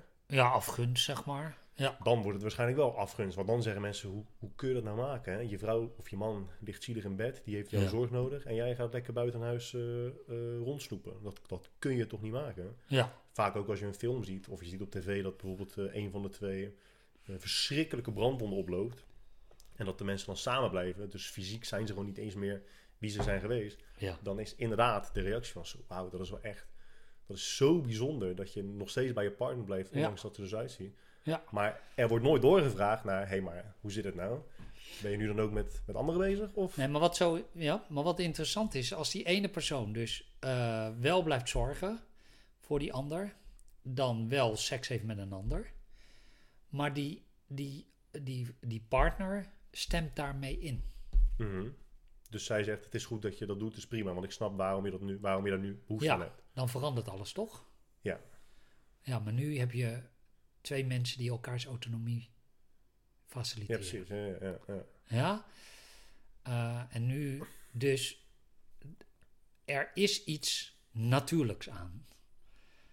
Eh, in relatie tot autonomie verstevigen. En die autonomie hadden we vroeger niet. Nu hebben we die autonomie wel. En nu zijn dit de keuzes die je daadwerkelijk kunt maken. Dat is veranderd in deze tijd. Hmm. Omdat we het zo goed hebben, kunnen we nu deze vragen stellen. ja, Voorheen konden we die vragen niet eens stellen. ja. En eh, de vragen worden nu gewoon beantwoord. Ja, iedereen doet maar gewoon waar hij zin in heeft. Alles mag, alles kan. ja. Nou, dat hebben we nu 30 jaar gedaan. Dat werkt niet. Nee. Het probleem is dat we toen vervolgens zijn gaan praten over eigenwaarde. Compleet nutteloos begrip. Want het bestaat gewoon niet. Eigenwaarde. Eigenwaarde. Want, ja. hoe- want hoe wordt het volgens de meesten gedefinieerd? Nee, is dat je jezelf waarde gaat toekennen. Maar dat is gewoon niet dat je, dat je, dat je... Kijk, vroeger als je dan ging scheiden, dan was een... ehm, als je, als je, zelfs als je partner vreemd, als je man vreemd was gegaan en je ging scheiden, was het nog steeds een schande. Hmm, Klopt, ja. Nu, als je partner vreemd is gegaan en je blijft, dat is pas een schande. Ja, dat is die vrouwelijke psycholoog die dat, die dat zegt, hoor. Die vrouwelijke seksuoloog, dat heb ik ook laatst een keertje gehoord. Dat vond ik een goede uitspraak. Ja, nou, dit, ja, dit is een, een dilemma wat veel gehoord wordt. En ik, Ja. ik zet daar altijd tegenover eh, Hillary Clinton. Hmm. Hillary Clinton, het is heel duidelijk dat Bill Clinton natuurlijk vreemd is Ja. gegaan. Eh, Hillary Clinton is bij hem gebleven en er is niemand die haar watje noemt. Hmm. Niemand. Nee. Ever. Eh, niet eens achter haar rug. Ik, heb, ik hoor nooit iemand eigenlijk eh, dat zeggen over Hillary Clinton. Want die vinden haar een sterke, moedige vrouw dat ze dat, dat, ze dat gevecht aandurft en weer die relatie. Ze vinden haar een sterke, moedige vrouw, punt. Ja. Maar waar ontstaat dan het verschil door, denk je? Want als, als gewoon de gemiddelde... eh, Omdat vrouw het overduidelijk is dat het haar keuze is. Oké, ja, Zij heeft een carrière. ja. Een hele stevige carrière. Zij is een vrouw van aanzien. Altijd al geweest. ja. Ik bedoel, ze, weet ik veel, ze zat in de comité eh, tijdens Nixon. Uh, Ze draait al een tijdje mee, ja. Ja, dus, eh, dus daar zit het verschil. Haar, er is niets mis met, met dat stuk. Dus zij heeft zichzelf geen eigenwaarde gegeven. Zij heeft gehandeld en de wereld respecteert haar daarom. Hmm. Eigenwaarde is eigenlijk alleen maar een meter van hoe jij denkt dat anderen over jou denken. Hmm. Dat is wat het betekent. Ja, Heeft niets te maken met het zelf toekennen van je waarde aan jezelf. Dat stuk moeten we vergeten, want we hebben 30 jaar hebben we zelfhulpboeken gehad over eigenwaarde. En dat heeft ons alleen maar verder in de problemen gebracht. Ja? Wij moeten gewoon zeggen: oké, ik heb het idee dat ik niet gerespecteerd word. Ja, moet ik dan net doen alsof ik wel eh, eh, gerespecteerd word? Wat jij er van mij vindt, vind ik niet meer belangrijk. Ja, ja. Dat soort ellende. Ja. Ja, ergens zei je ook, je zei net ook eh, een tijdje geleden van dat je in de wetenschap wil je vaak natuurlijk dingen meetbaar maken. En nu zit je vooral met gevoel. Want iemand kan zeggen, ja, ik voel me niet gerespecteerd. Terwijl de ander kan zeggen, ja, maar lieve schat, ik respecteer je echt. Ik, ik respecteer je echt, laten we daar gewoon bij houden. Ja, En de ander kan voet bij stuk houden en blijven zeggen, ja, maar zo voel ik me niet. Ja, dat is, dat is best een dilemma. Want de ene persoon, ja, ik, ik respecteer je met alles wat ik heb. klopt. Kijk maar, hè, want je kunt zelfs voorbeelden noemen. Maar voorbeelden noemen is, is, is in dat opzicht rationeel. En dat helpt niet altijd om iemands gevoel te veranderen. Correct. Bijna nooit. Ja. Ehm, wat doe je dan? Wat, wat hou je dan over? Nou, daar hebben we antwoorden voor. Dat, dat, dat wordt emotionele integratie genoemd. Hmm. Bijna altijd is dat terug te leiden naar één of meerdere behoeftefrustraties. Hmm. Die zul je op moeten lossen. Het tweede is dat je geen richting hebt in je leven. Maar dat is lastig toch? Want, want het is dan een behoeftefrustratie, maar dan je kunt, je kunt dat alleen oplossen als de persoon die het probleem heeft diep genoeg of goed genoeg eh, zelfreflectie toe kan passen of goed genoeg ehm, in zichzelf kan graven om dat probleem vast te stellen. Of je moet hulp zoeken, maar als je hulp, Zeker. zoekt, als je hulp zoekt, dan geef je dus ook tegenwoordig vaak toe dat er iets mis met je is. En als jij zoiets hebt van, nou, ik, in mijn relatie voel ik me niet zo gerespecteerd. Als je dat zo hoort, dan klinkt dat niet als een probleem waar de meeste mensen snel hulp voor zouden zoeken. Dus om dat onderling op te lossen is best lastig. En misschien dat daarom ook heel veel relaties... Nou, ja zeker. Dus kijk, er zitten een paar dingen. Dus wij weten niet wat een goed leven is. We weten niet wat een goede relatie is. nee, je hebt het net gedefinieerd hoor, een goed leven. Nee, maar de, de, de, de generatie die nu dit soort problemen heeft, weet het niet. Ah, kijk, dat snapte ik dus natuurlijk. Nou, want je zei het steeds, maar vervolgens definieerde je het. En je zei dat je het wist, maar je bleef het al zeggen. Maar je bedoelt dus de generatie van Ja. nu. Oké. En omdat ze het niet weten, is de uitzondering de norm geworden. Zeggen ze, Ja, precies. Ja, dat is dat het. ja, ja, ja, ja. En dus ze weten, eh, eh, ze hebben het de verkeerde antwoord op de vraag. Ja. Heb je de boeken van, eh, hoe heet die nou? Ben even zijn naam kwijt, maar hij heeft dus gewoon, want we hadden het eerder ook al tijdens het eten over, eh, over eh, mythes, hè, mythologie Ja. en, en eh, symboliek en waarom we daar, verhalen, waarom we daar Ja. zoveel van houden. Ik ben zijn naam kwijt, maar zijn boek heette He, She, We. Hij heeft eigenlijk gewoon theorieën van Jung. Carl Jung heeft hij gewoon Oh. in een verhaal gezet. Ah, zo. Ja, dat is, Ja. be- dat is best interessant. Ja. Maar dat, ga- dat gaat dus ook over waarom relaties of romantische relaties van nu stuk lopen. Omdat we dus ideeën hebben meegenomen van honderden jaren geleden van hoe een romantische relatie zou moeten zijn. Ja, dat is best interessant. Dus, eh, zou je een keertje, een keertje moeten... Want als, als jij aan iemand vraagt, ja, wat is jouw idee van romantiek? Nou, daar heeft bijna iedereen ongeveer hetzelfde antwoord op. Natuurlijk, er zijn altijd uitzonderingen, maar ik denk dat als je tien mensen vraagt, dat zeven of acht mensen zullen zeggen, nou, dat je af en toe een cadeautje krijgt, dat je aandacht krijgt, dat je... Iedereen heeft, als je, als je denkt aan een romantisch moment tussen, een- eh, tussen twee mensen, dan de Ja. meeste mensen hebben dan wel een bepaald beeld voor zich met, met, met bloemetjes en, en, en, Ja. en- en open haard. En je ligt dan samen op het, eh, op het vloerkleed Ja. samen. Nou, dat idee is niet van nature in ons hoofd, in onze, eh, in onze hoofden geprent natuurlijk. Dat is ook gewoon, ja, dat is ook weer gewoon honderden jaar aan, indoctrinatie, als je het zo wil noemen. Dat krijgen we mee uit, uit, uit liedjes, uit films, uit gedichten, uit, uit alles krijgen we dat mee. Maar die En- hebben een inspiratiebron, toch? Die hebben een inspiratie, mooi ja, ja. Maar dat is wederom, wat je net ook altijd zegt, van de uitzondering de norm maken. Wij denken allemaal dat een goede relatie dat is. Zo zou een goede relatie in elkaar moeten zitten. Ja. En als je dat niet hebt, ben je niet bevredigd in de relatie en ga je op zoek naar de volgende. Al blijven heel veel mensen wel in een relatie waar ze eigenlijk niet gelukkig in zijn. Ja. Maar veel mensen zijn niet gelukkig in een relatie omdat ze het idee hebben dat de relatie niet voldoet aan het beeld van hoe een relatie zou moeten Ja, zijn. ja, ja, ja, ja. Eh, dat is waar, waar, zijn, eh, waar zijn boeken over gaan. Die zijn ook interessant. Maar ik zag je net kijken alsof je, je dacht van ja, ik ben het er niet mee eens. Dus ik ben benieuwd wat je dan, wat je dan Nee, denkt. nou, ik, ik reageer altijd op Carl Jung, omdat dat... Omdat dat natuurlijk vooral gaat over eh, archetypes op basis van introspectie. Nee, nee, daar, daar, daar gaan die boeken niet over hoor. Nee, Tenminste, maar- he, he en she wel, maar we niet. We is wel interessant. Oké, dus Wie dat, gaat echt over- daarom reageer ik daar even op. Nee, we gaat echt over, eh, over de romantische relaties van nu. En waarom ons beeld van hoe een romantische relatie moet zijn niet helemaal klopt. En hij maakt ook de vergelijking met eh, eh, Aziatische landen en eh, eh, eh, West-Europese landen vooral. Dat het beeld tussen die, eh, tussen die twee best wel eh, verschilt. Zeker. Hij noemt die Japan ook. Waarbij, want ken je... hoe nou op Netflix? Ja, voor mij, ik denk niet dat jij Netflix kijkt, hè. In ieder geval, je hebt op Netflix heb je dus een programma, heet Terrace House. Oké. En eh, je, je, hebt- je hebt best wel affiniteit met de Aziatische cultuur, toch? Ja, zeker. Ja, ja. Goede aanname. Ehm, en Terrace House is eigenlijk een soort Big Brother, maar dan eh, in Japan. En, Oh. dat is, en dat is leuk, omdat je gewoon, het is, als, je, als je het bekijkt, het is dus cultureel zo, zo verschrikkelijk anders dan, eh, dan Nederland. Ja. En als je dan naar het traject kijkt dat mensen aangaan op het moment dat ze gaan daten, Ja. is ook zo anders dan hier. Zo anders.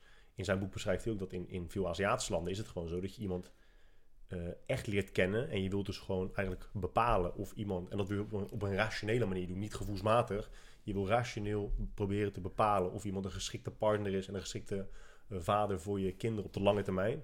En het is veel minder dat je denkt van, oh, hoe voel ik mij deze persoon? Krijg ik, krijg ik vlinders in mijn buik? Het is een hele rationele gedachtegang die ze, ehm, die ze ingaan. En dat proces Ja. duurt best wel lang voordat ze concluderen van, ja, met jou ga ik echt verder. En dat is niet per se omdat ze denken, oh, ik heb zoveel vlinders in mijn buik en ik word zo gelukkig van jou. Maar ik heb na een lang proces kunnen concluderen dat jij een geschikte partner voor me bent om die en die en die en die en die reden. En dat, dat zie je echt helemaal niet. Zie je heel veel minder. Laat ik het zo zeggen. Eh, de tijdsduur die je ervoor neemt, Hmm. ehm, zal eh, korter zijn. Maar eh, het zijn gewoon mensen, net als wij. Hmm. Ze hebben dezelfde basisbehoeften. En ze hebben dezelfde hindsight bias. Hmm. Ehm, Dus dat je achteraf altijd makkelijk kunt ik beredeneren. kan altijd Ja, achteraf ja. een goede reden vinden. Eh, dus in de basis komt er een- op neer dat er een intrinsieke ehm, aantrekkingskracht is tussen de twee. Ja. Eh, en dan eh, komen daar later de redenen bij. Maar je kunt En ik denk altijd, dat het daar niet anders is. ja, maar je kunt altijd, kijk, ik ben nu 31. Toen ik 18 was en Ja. ik, ik zag een vrouw en ik dacht zo, daar krijg ik wel een warm gevoel bij. En dat, dat, het was meer dan lust. Dan gaf ik daar altijd mezelf aan over. Want ik dacht, ja, dit is wel echt een, een potentiële partner. Want ik, ik, voel Zo, me zus, ja. ik voel me zus en zo. Ja. Nu heb ik dan toevallig een relatie. Maar stel je voor, ik word ooit weer vrijgezel en ik ben straks 35. En ik kom Ja. een vrouw tegen. En denk ik, oh, bij haar krijg ik echt wel weer een heel prettig gevoel zoals ik in het verleden ook altijd heb gehad. Ja. Nu heb je de ervaring en hopelijk ook een beetje de intelligentie of wijsheid, afhankelijk van hoe je het wil noemen. ehm, om tegen mezelf te kunnen zeggen, ja maar wacht even, dit heb ik al een paar keer meegemaakt. Laat ik nou eens even een stap terugzetten Ja. en de situatie objectief en rationeel bekijken. En op die manier, In plaats van meteen samen te gaan wonen. in plaats van meteen denk ik, ja nee, ik ben, ik ben zo, zo verliefd op deze vrouw. Ik zie onszelf al helemaal voor de open haard eh, vrijen met elkaar. Ja. Eh, dus, ik, dus ik denk dat als, dat als dat in die cultuur de norm is, dat je toch wel anders een relatie start dan dat je volledig jezelf overgeeft aan euforie is het vaak. En euforie is altijd tijdelijk. Zeker. Tenzij je heel Ja. veel ecstasy slikt, maar dan heb je wel echt een probleem. Ja. Maar het gegeven... Kijk, je hebt, je hebt langer bezinningstijd. Hmm. Eh, Ja, maar dat is dus ook omdat dat daar gewoon normaal is. Hier krijg je op een gegeven moment de keuze, vaak van de vrouw. Van ja, maar eh, als je ons straks, eh, als je mij straks voor gaat stellen aan je vrienden, hoe, Ja. hoe noemen we elkaar dan? Hoe noem je me dan? ja. Even, wanneer ga ik je ouders ontmoeten? En hier is het gewoon zo. Je- Ja. dat, is gewoon, dat is gewoon een ongeschreven regel. Als je je, par- als je, je vriendin of je vriend meeneemt naar je ouders, dan is het serieus. Dan, dan ja. dan- Ja. En als het in een andere cultuur gewoon normaal is dat je dat uitstelt, dan doe je het, misschien doe je dat zelfs eh zes tot twaalf maanden. Ja. je bent veel, veel, het is een veel rationele proces voor mijn gevoel. Zo, zo Ja. lijkt het in ieder geval. Nou, het is in ieder geval veel meer een cultureel proces. Eh, ik weet niet of het rationeler is. Ik weet alleen dat het langer duurt. Hmm. Omdat de cultuur zo gevormd is. Ehm, maar ik weet niet of het rationeler is. Dat, dat- Is het niet zo dat als het langer duurt, dat er sowieso meer, meer ruimte is voor rationaliteit? Je krijgt letterlijk langer de kans om rationaliteit de ruimte te geven. De kans nou, zeker. Je bent de verliefdheidsfase dan eh, de ergste fase in ieder geval voorbij. Ja. ja, en je maakt gewoon, en en je, je, je bent je gewoon bewust van het feit dat verliefde gevoelens of eu- euforie niet de graadmeter moet zijn voor het kiezen van een partner. Maar hoe, ik, ik, Nee. ik, ik hoor ook vaak genoeg dat mensen zeggen dat ze na één of twee jaar zeggen: Ja, ik ben eigenlijk niet meer zo verliefd. En daarmee is de relatie voor hun gevoel gedaan. Ja, ja, ja, ja. ja. Dus daarmee heb je al bevestigd voor jezelf dat je direct jezelf hebt overgegeven aan, aan verliefde gevoelens. En nooit stil hebt gestaan bij het feit welke persoon heb je nou daadwerkelijk tegenover je. Ja. En, en is het überhaupt een geschikte partner? ja. Maar terug naar monogamie. Pardon. Ehm, pleit, jij voor, pleit jij voor een monogame samenleving? Nee, nou, dat Ook niet per se voor een polygame samenleving, maar... Ehm, het interessante is dat er nu best wel meer onderzoek naar gedaan is. En in het begin werd natuurlijk per definitie gesteld dat open relaties minder goed konden werken of dat het problemen opleverde voor de kinderen en dat soort zaken. Maar er is inmiddels zoveel data beschikbaar dat dat niet het geval is. Hmm. En kijk, het, het, het, het voordeel van jou is als jij iets zegt, als jij refereert naar een studie, dan refereer je ook gewoon naar de exacte studie en dan zeg je door wie ze zijn gedaan, et cetera. Ja. Mensen als Jordan Peterson doen dat iets minder. Eh, dus die zeggen gewoon, eh, ja, we hebben genoeg studies. En dan zegt hij, eh, dan, dan, dan komt hij vervolgens met zijn stelling. Ik weet niet of je zijn stellingen wel eens, wel eens op, hebt gehoord over monogamie.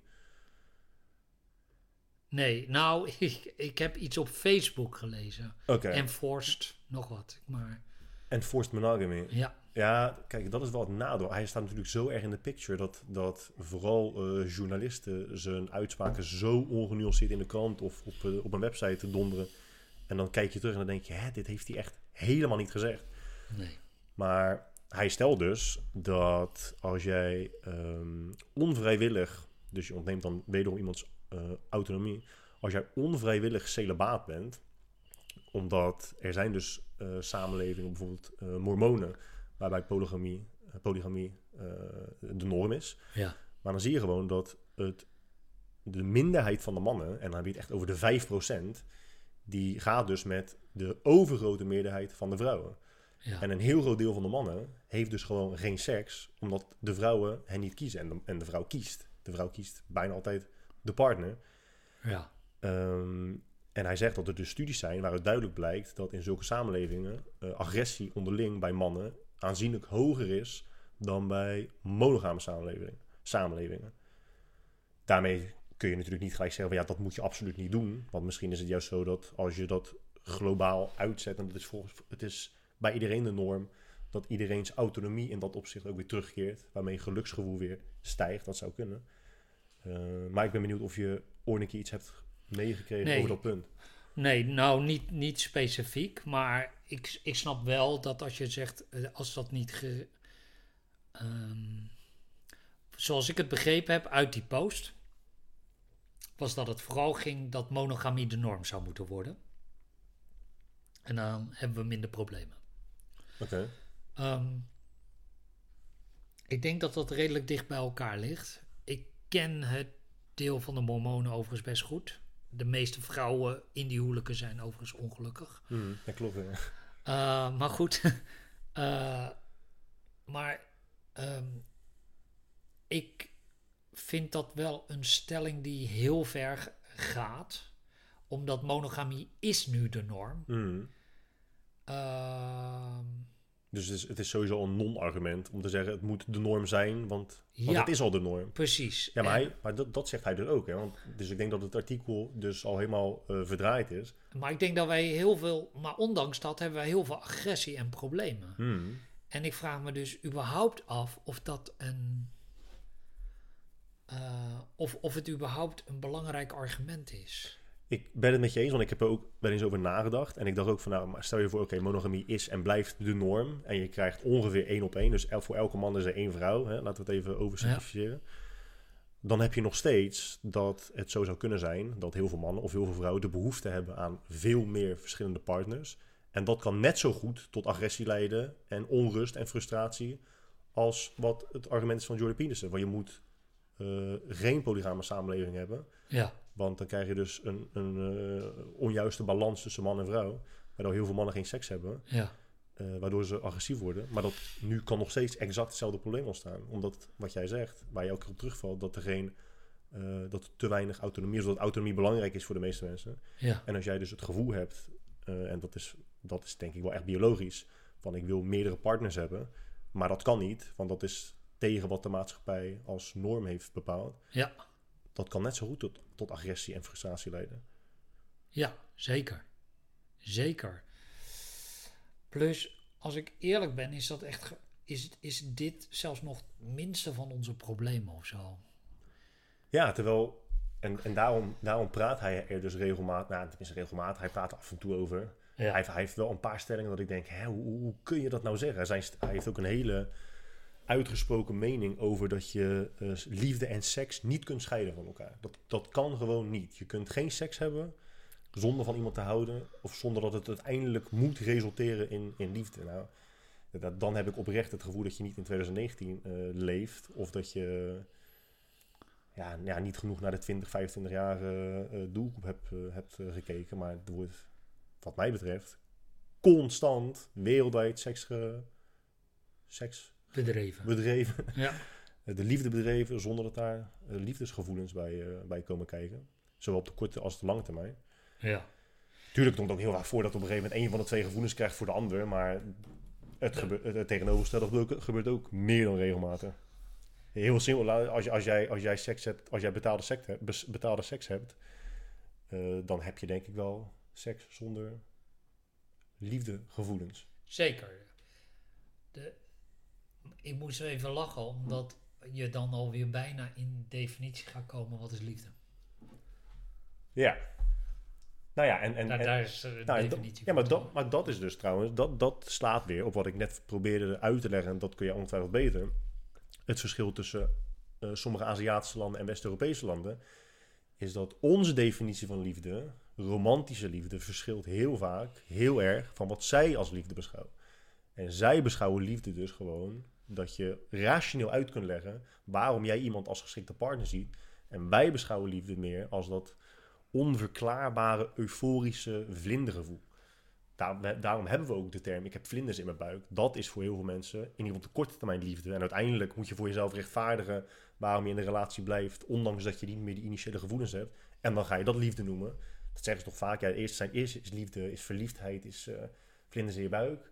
En daarna wordt liefde, wordt dan, verandert dan in houden van. Ja, Zo leggen mensen het eh, meestal uit. ja. Wat is de definitie van liefde? of wat is volgens de wetenschap de definitie van liefde? Nou, er is één hypothese over eigenlijk, echte hypothese. Ehm, en dat is dat liefde is eh, een micromoment van synchronisatie, omdat je positieve emoties uitwisselt terwijl je op elkaar gericht bent. Oké. Dat is liefde. Eh, dat betekent dat je liefde kunt voelen voor een volstrekt vreemde. Hmm. Liefde op het eerste gezicht. Nee, nog even. eh, dat is veel meer nog seksuele aantrekkingskracht. Maar liefde. Kijk, wat er gebeurt is eigenlijk het volgende. Als wij.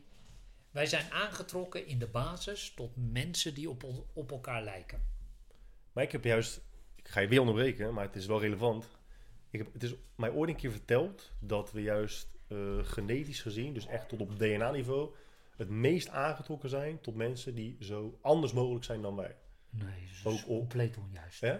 Ja. Omdat het, ja, maar niet, niet per se qua karakter en persoonlijkheid, maar meer gewoon ehm, wat DNA betreft. Omdat ze op die, dat is gewoon de natuurlijke, de, de, de evolutionaire natuurlijke beschermer voor eh, incest en dat soort zaken. Nee.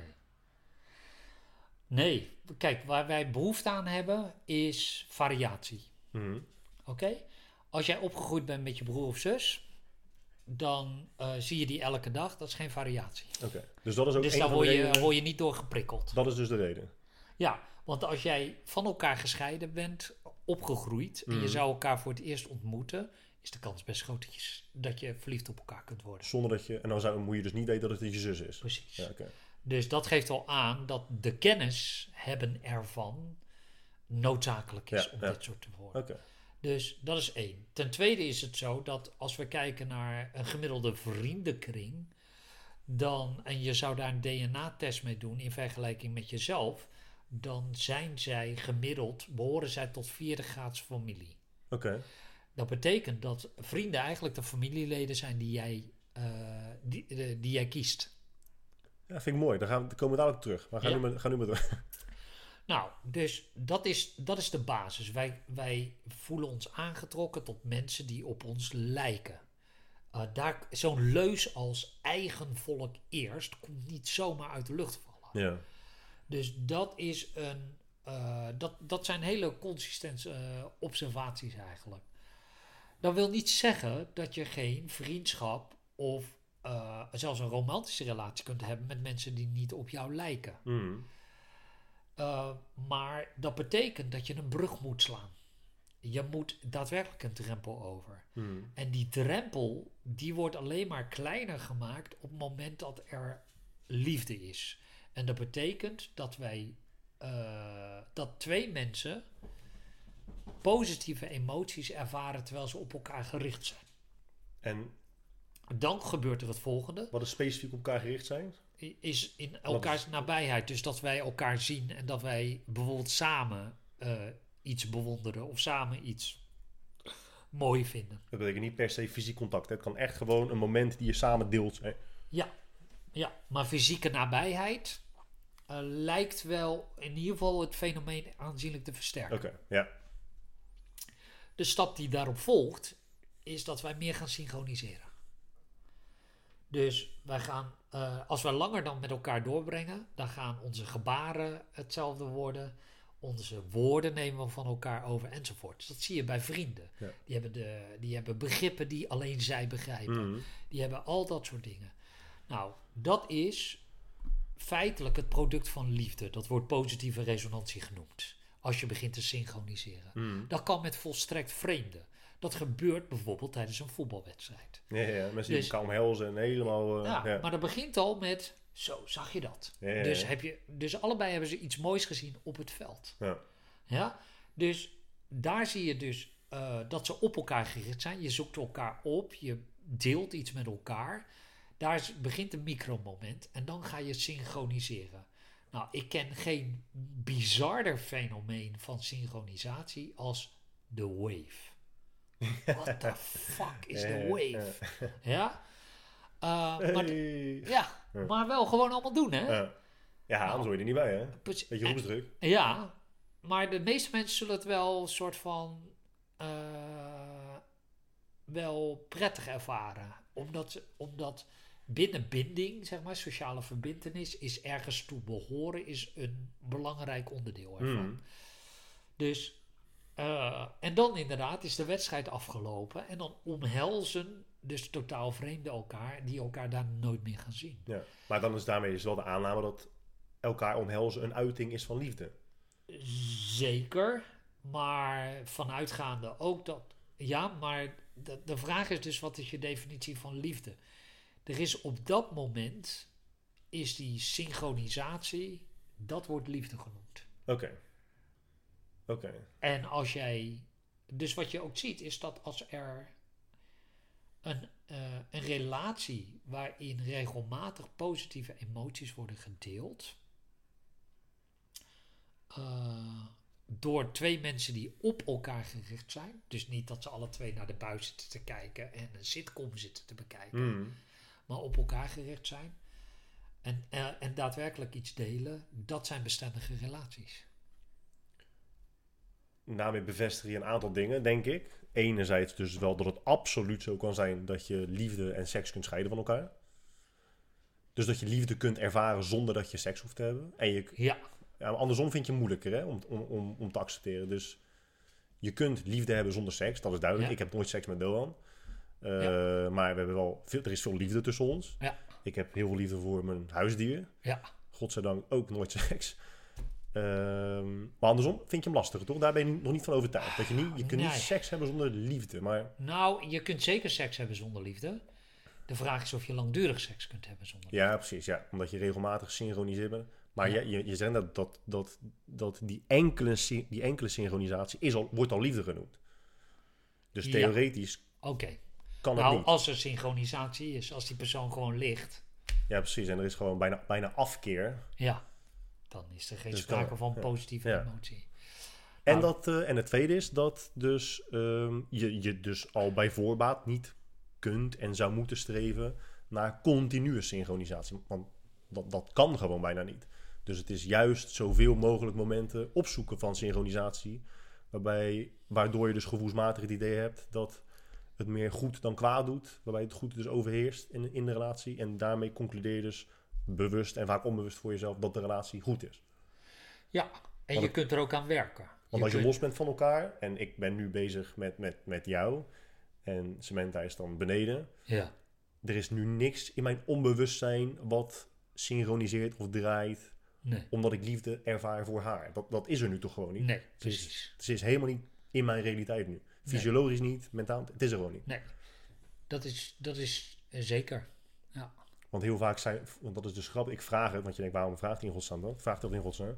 er zijn heel vaak mensen, toevallig heb ik het eh, een paar dagen geleden nog gehoord, dan gaat hun partner op vakantie Ja, en dan missen ze hun partner niet en dan voelen ze zich schuldig. oké. Ik zei, ja, dat is toch gek, ik mis mijn partner niet eens, ik moet het toch eigenlijk missen? Ja, Maar dat, dat bevestigt dus wat jij zegt, dat als er geen fysieke aanwezigheid is, je bent gewoon niet in elkaars buurt, is, is die synchronisatie dus al veel moeilijker. zeker. En dan heb je nog een tussenstap dat je elkaar hoort, dat is ook al een vorm van. Ja, Maar echt bij, bij elkaar zijn is gewoon het beste. Maar te vaak is voor veel mensen ook weer dat ze denken, "Pff, ik moet nu. nee, omdat je, omdat je nooit 100% hetzelfde bent. En als je gedwongen wordt om 100% hetzelfde te zijn, gaat ten koste van je autonomie. Ja.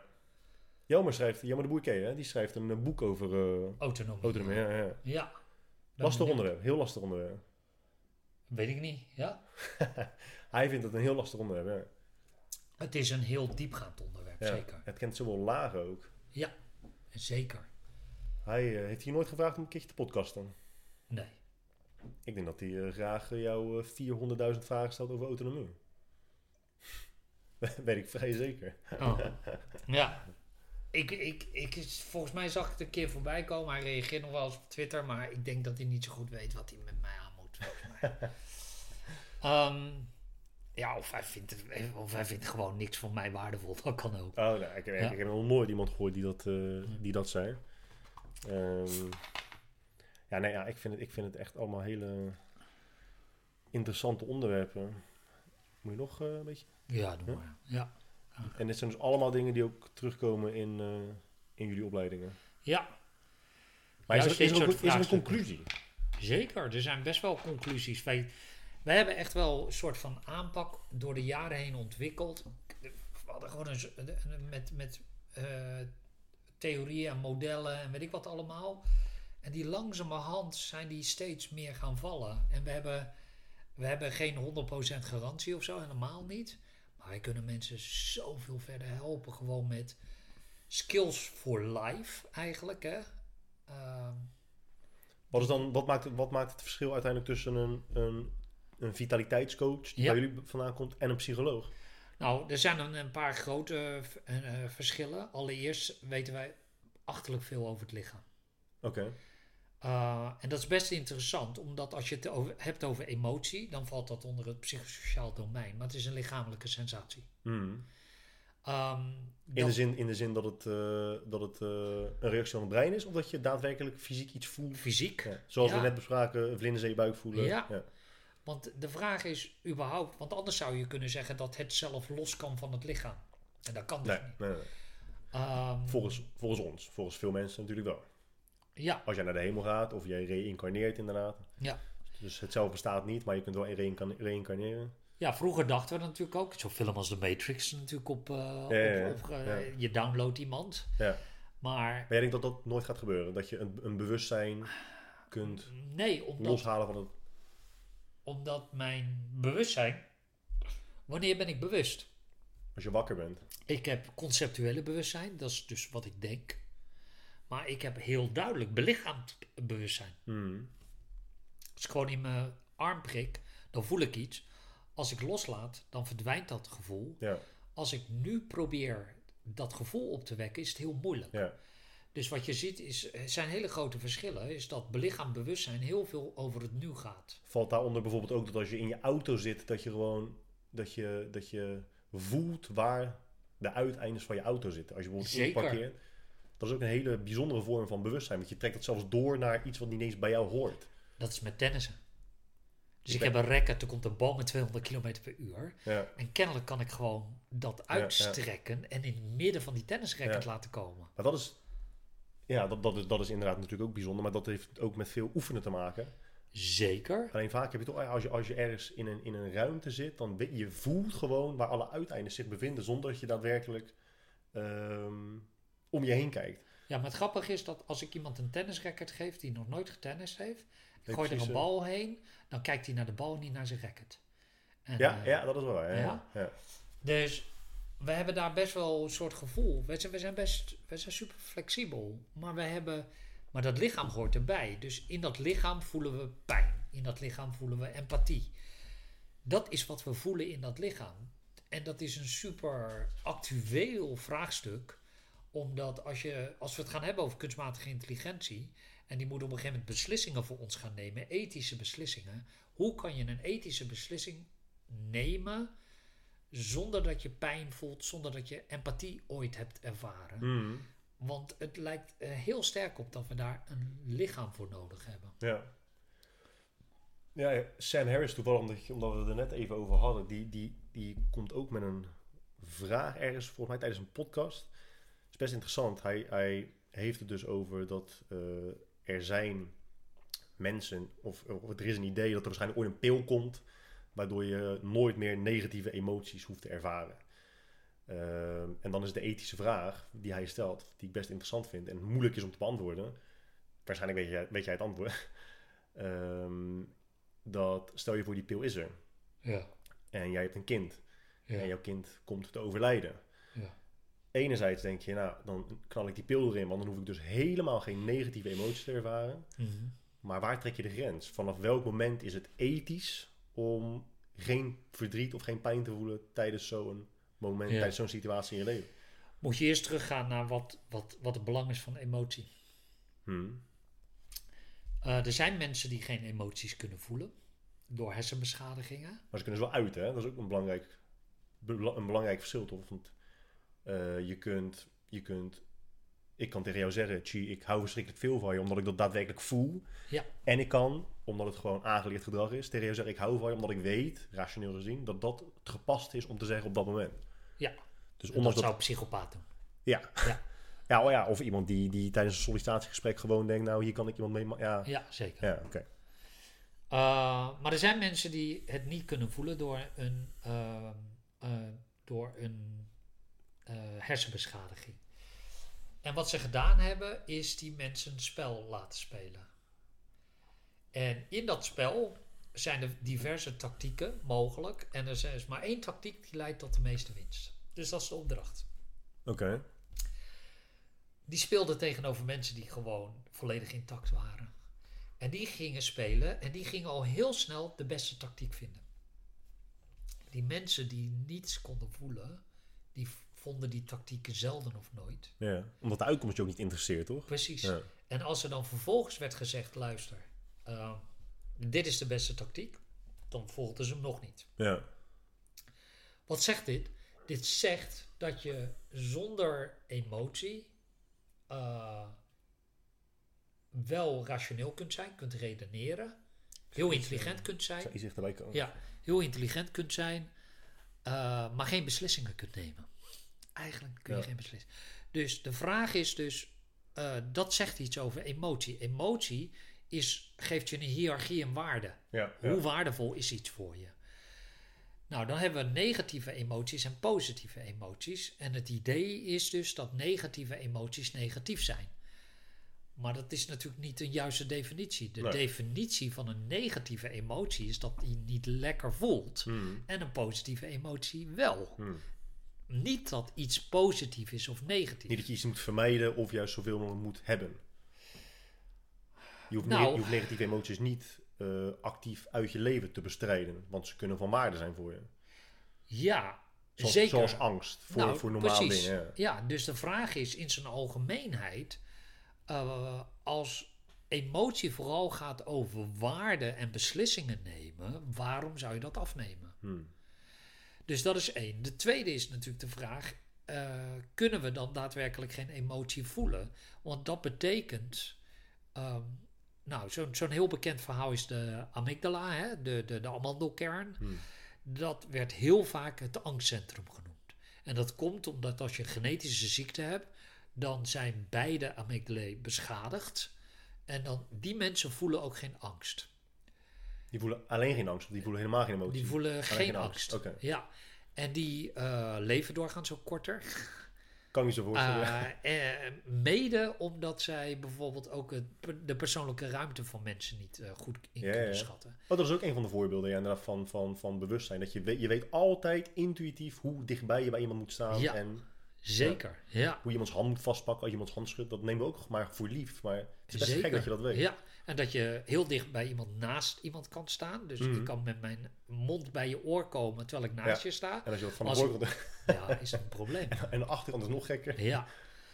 Dus, maar het interessante is dat ze die patiënten, eh, die hadden geen angst. En toen hebben ze, eh, eh, in 2013 was de eerste publicatie, is daarna een aantal keer bevestigd, hebben ze een, een zuurstofmasker opgedaan. Maar in plaats van zuurstof hebben ze CO2 erin gepompt. Oké.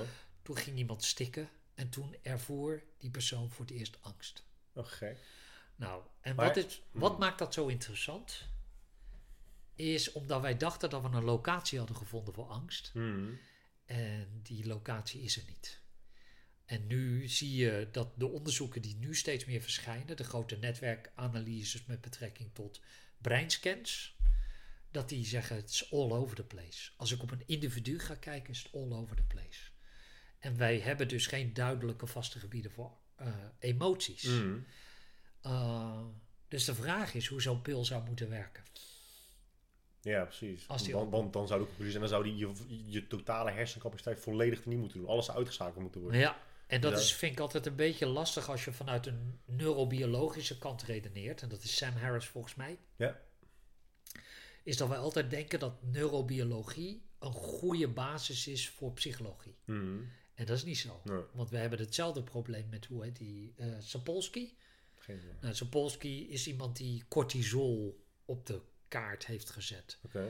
En hij het is een heel kleurrijk figuur. Hij is eh, volgens mij endocrinoloog en neuroloog. Maar hij is meest bekend geworden omdat hij ook eh, elk jaar Ari Safari is. Dan gaat hij naar Afrika bij een apenstam. En dan, eh, Jezus. die bestudeert hij en, eh, nou, enzovoorts. Dus Samen met die Nederlandse man, weet die eh, Van de Waal? Van der Waal. Nee, die twee hebben volgens mij geen duidelijke relatie Nee? Met elkaar. Ja. Ari Safari. Ja, dus hij is een heel kleurrijk figuur, buitengewoon intelligent. En ik heb wel eens een lezing van hem ge- gezien, een uur lang, zonder dat hij één keer e zei. Bizar is dat, hè? Ja. Dus dat is echt super grappig om te zien, maar ook heel bewonderenswaardig. Maar hij Probeer je dat ook doet, in je spraak? Probeer je bewust minder ur te zeggen? Of geef je er gewoon aan over? ik laat het een beetje aan me voorbij gaan eigenlijk. Ik ben niet echt met me bezig. Maar het valt me wel op als het echt nooit gebeurt. ja, vind ik ook En mooi. zeker iemand die er gewoon een uur lang aan het woord is, niet eens Ja. interactief. Ja, bizar. En dan denk je, heeft hij dit allemaal ingestudeerd? Dan, maar zelfs dan is het knap. Ja, je lijkt bijna een robot, hè? En toch Ja. zie je, in, in sommige talen zie je dat het vaker voorkomt dan in andere talen. Ja. In sommige talen zeggen mensen voor mijn gevoel nooit eh, en eh, ja. of, ik, of omdat ik het niet versta, komt het niet eh, bij me Grappig. naar binnen. Dat kan ook. Heb ik, ja, heb ik nooit bij stilgestaan. Zou kunnen. Interessant. Verdomme, iets wat je niet weet nog, hè? nou, dat is zoveel. dat zou gek zijn. Ja. Maar eh, die doet ook constant uitspraken over eh, gedrag en over al dat soort dingen. eh, vanuit een neurobiologisch perspectief en een endocrinologisch perspectief. En ja, mijn stelling is echt heel simpel. Je kunt niet neurobiologie extrapoleren naar psychologie. Oké. Dat is echt te simpel. En Ja. dat komt omdat we het construeren. We construeren emoties on the fly. Hmm. Dat heeft ook een beetje te maken met wat je een paar jaar geleden schreef, toch? Over het verschil tussen. eh, ehm, nou, geen verschil. Over waarom men dacht dat je aan suiker net zo verslaafd zou kunnen zijn als aan cocaïne. Omdat hetzelfde stuk in, in het brein oplicht. Ja. En daarom is dus automatisch de conclusie dat beide net zo verslavend zijn. Ja, Dat is net zo onzinnig. En Ja, dat heeft daarmee te precies. maken, toch? ja. Oké. ja. En hetzelfde hebben we dus met emoties, hetzelfde hebben we met pijn. Eh, vroeger dachten we natuurlijk, hè, oh ja, we weten nu hoe pijn in elkaar zit. Boom, toen kregen we die opioïden. Dat verlicht inderdaad pijn. En na verloop van tijd ga je zien dat niet alleen de pijn terugkomt, maar met een vengeance. Ja. Dus het wordt alleen maar erger. Terwijl wij dat deel echt hebben eh, afgetimmerd, zeg maar. En die, die, die, dat, die proefpersoon die vervolgens dan angst ervoer voor het eerst in zijn leven. Ja. is dat niet, nou ja, het is, het is gewoon maar een idee, maar de fysiologische reactie van een zuurstoftekort is natuurlijk dat je hartslag omhoog gaat. eh, je krijgt de drang om te ademen en, en die komt niet. Ja. Kun je niet dat meemaken en, dat, en het idee hebben dat dat angst is? Je, je stikt gewoon letterlijk, waardoor je, Ja. de, ja, je krijgt letterlijk de, de drang om te ademen. Maar dat hoeft niet per se te zijn, ik ben bang. Maar dat ervoer hij dus wel zo. Hij zei achteraf van, ik was, ik was echt gewoon bang. Ik heb iets ervaren wat ik nog nooit heb ervaren. ja, ja. Dus dat is één. Maar je raakt wel een interessant punt. Want de vraag is natuurlijk, wat is een bouwsteen voor een emotie? Hmm. En is de bouwsteen van een emotie niet al de lichamelijke gevoelens die je al kent, Hmm. maar niet als emotie? Ja. Goed voorbeeld daarvan is eh, dat zo'n groep mensen adrenaline hebben ingespoten. Ja. Ehm, en de een ervoer dat als ehm, eh, agre- agressie. Hij werd er agressief van. En de andere als euforie. Ja, ja, ja. Terwijl ze fysiologisch allemaal hetzelfde meemaken. Precies. Ja. Ja. En dat is, dus de vraag is of emotie niet een lichaamsgevoel is. Dat technisch gezien heet dat affect. Ehm, en, eh, maar dan met betekenis. Ja, dus als je affect ervaart en je voegt er betekenis aan toe, wordt het een emotie. Ja, ja. Want, want het, kan, het kan heel simpel zijn dat jij eh, het merendeel van je leven een verhoogde hartslag hebt ervaren op het moment dat je bang was. Maar het kan ook zo zijn dat jij als hobby bungee jumpen hebt. En dat elke keer als je dat doet een verhoogde hartslag ervaart. En dus een verhoogde hartslag eh, associeert met. ehm, met. hoe noem je dat nou? Hoe noem je dat nou? Mensen die. eh, Euforie of een nee, niet euforie. Hoe noem je dat nou? Mensen die altijd eh, gevaarlijke sporten doen. adrenaline junkies. Dat, ja, precies. Ja. die, die, die, die associëren daar weer mee. Ja. Mensen die van zichzelf al angstig zijn, associëren een hartslag eerder met angst. Ja. Eh, dus dus maar net hoe je inderdaad die fysiologische gevoelens... Zeker. En ook daar zijn proeven over gedaan. een hele bekende, dus echt super klassieker, is een groep mannen die een gevaarlijke touwbrug over een hele diepe ravijn moesten maken. Die moesten ze oversteken. En eh, een deel van de mannen werd geïnterviewd door een aantrekkelijke vrouw voordat ze de eh, brug overgingen. hmm, En een ander deel pas nadat ze de brug overgingen. ik voel me En degene die na de brug kwam, die ging, vroeg haar nummer, vroeg haar... En die zeiden, ja, het was liefde op het eerste gezicht. Ja, dat is hoe zij het beschreven, hoe zij het contact beschreven. ja, ja.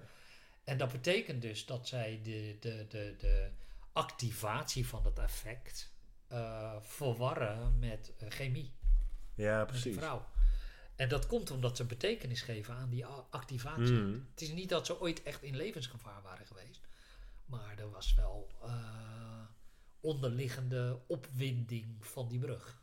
En als we een verband maken tussen emotie, gevoel, hoe je ook wil noemen, en, en geluk, is er dan, kun je dan stellen dat mensen die minder vaak over-emotioneel zijn ook gelukkiger zijn? Of, of is het juist veel emotie, dagelijks veel emotie ervaren, wat ook bijdraagt aan geluk? En dan heb je natuurlijk weer of het nou positieve of eh, negatieve emoties zijn, maar meestal, misschien zeg ik iets verkeerd, maar ik heb het idee dat mensen die ehm, uitschieters zijn in het ervaren van positieve emoties, dat ook de andere kant op kunnen doen. Die ervaren ook sterkere negatieve emoties. Klopt.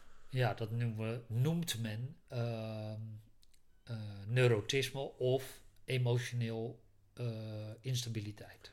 Dat is, maar dat, dat is ook, oh shit, dat, dat was nog iets anders waar we het over wilden hebben. Oh ja, over eh, familie. Familie die Ja. je kiest. Maar even daarover, want volgens mij heb ik daar ook een keertje over gehad. Dat het interessant is dat als jij, nou ja, vlak wil ik niet per se zeggen, laten we stoïcijns zeggen.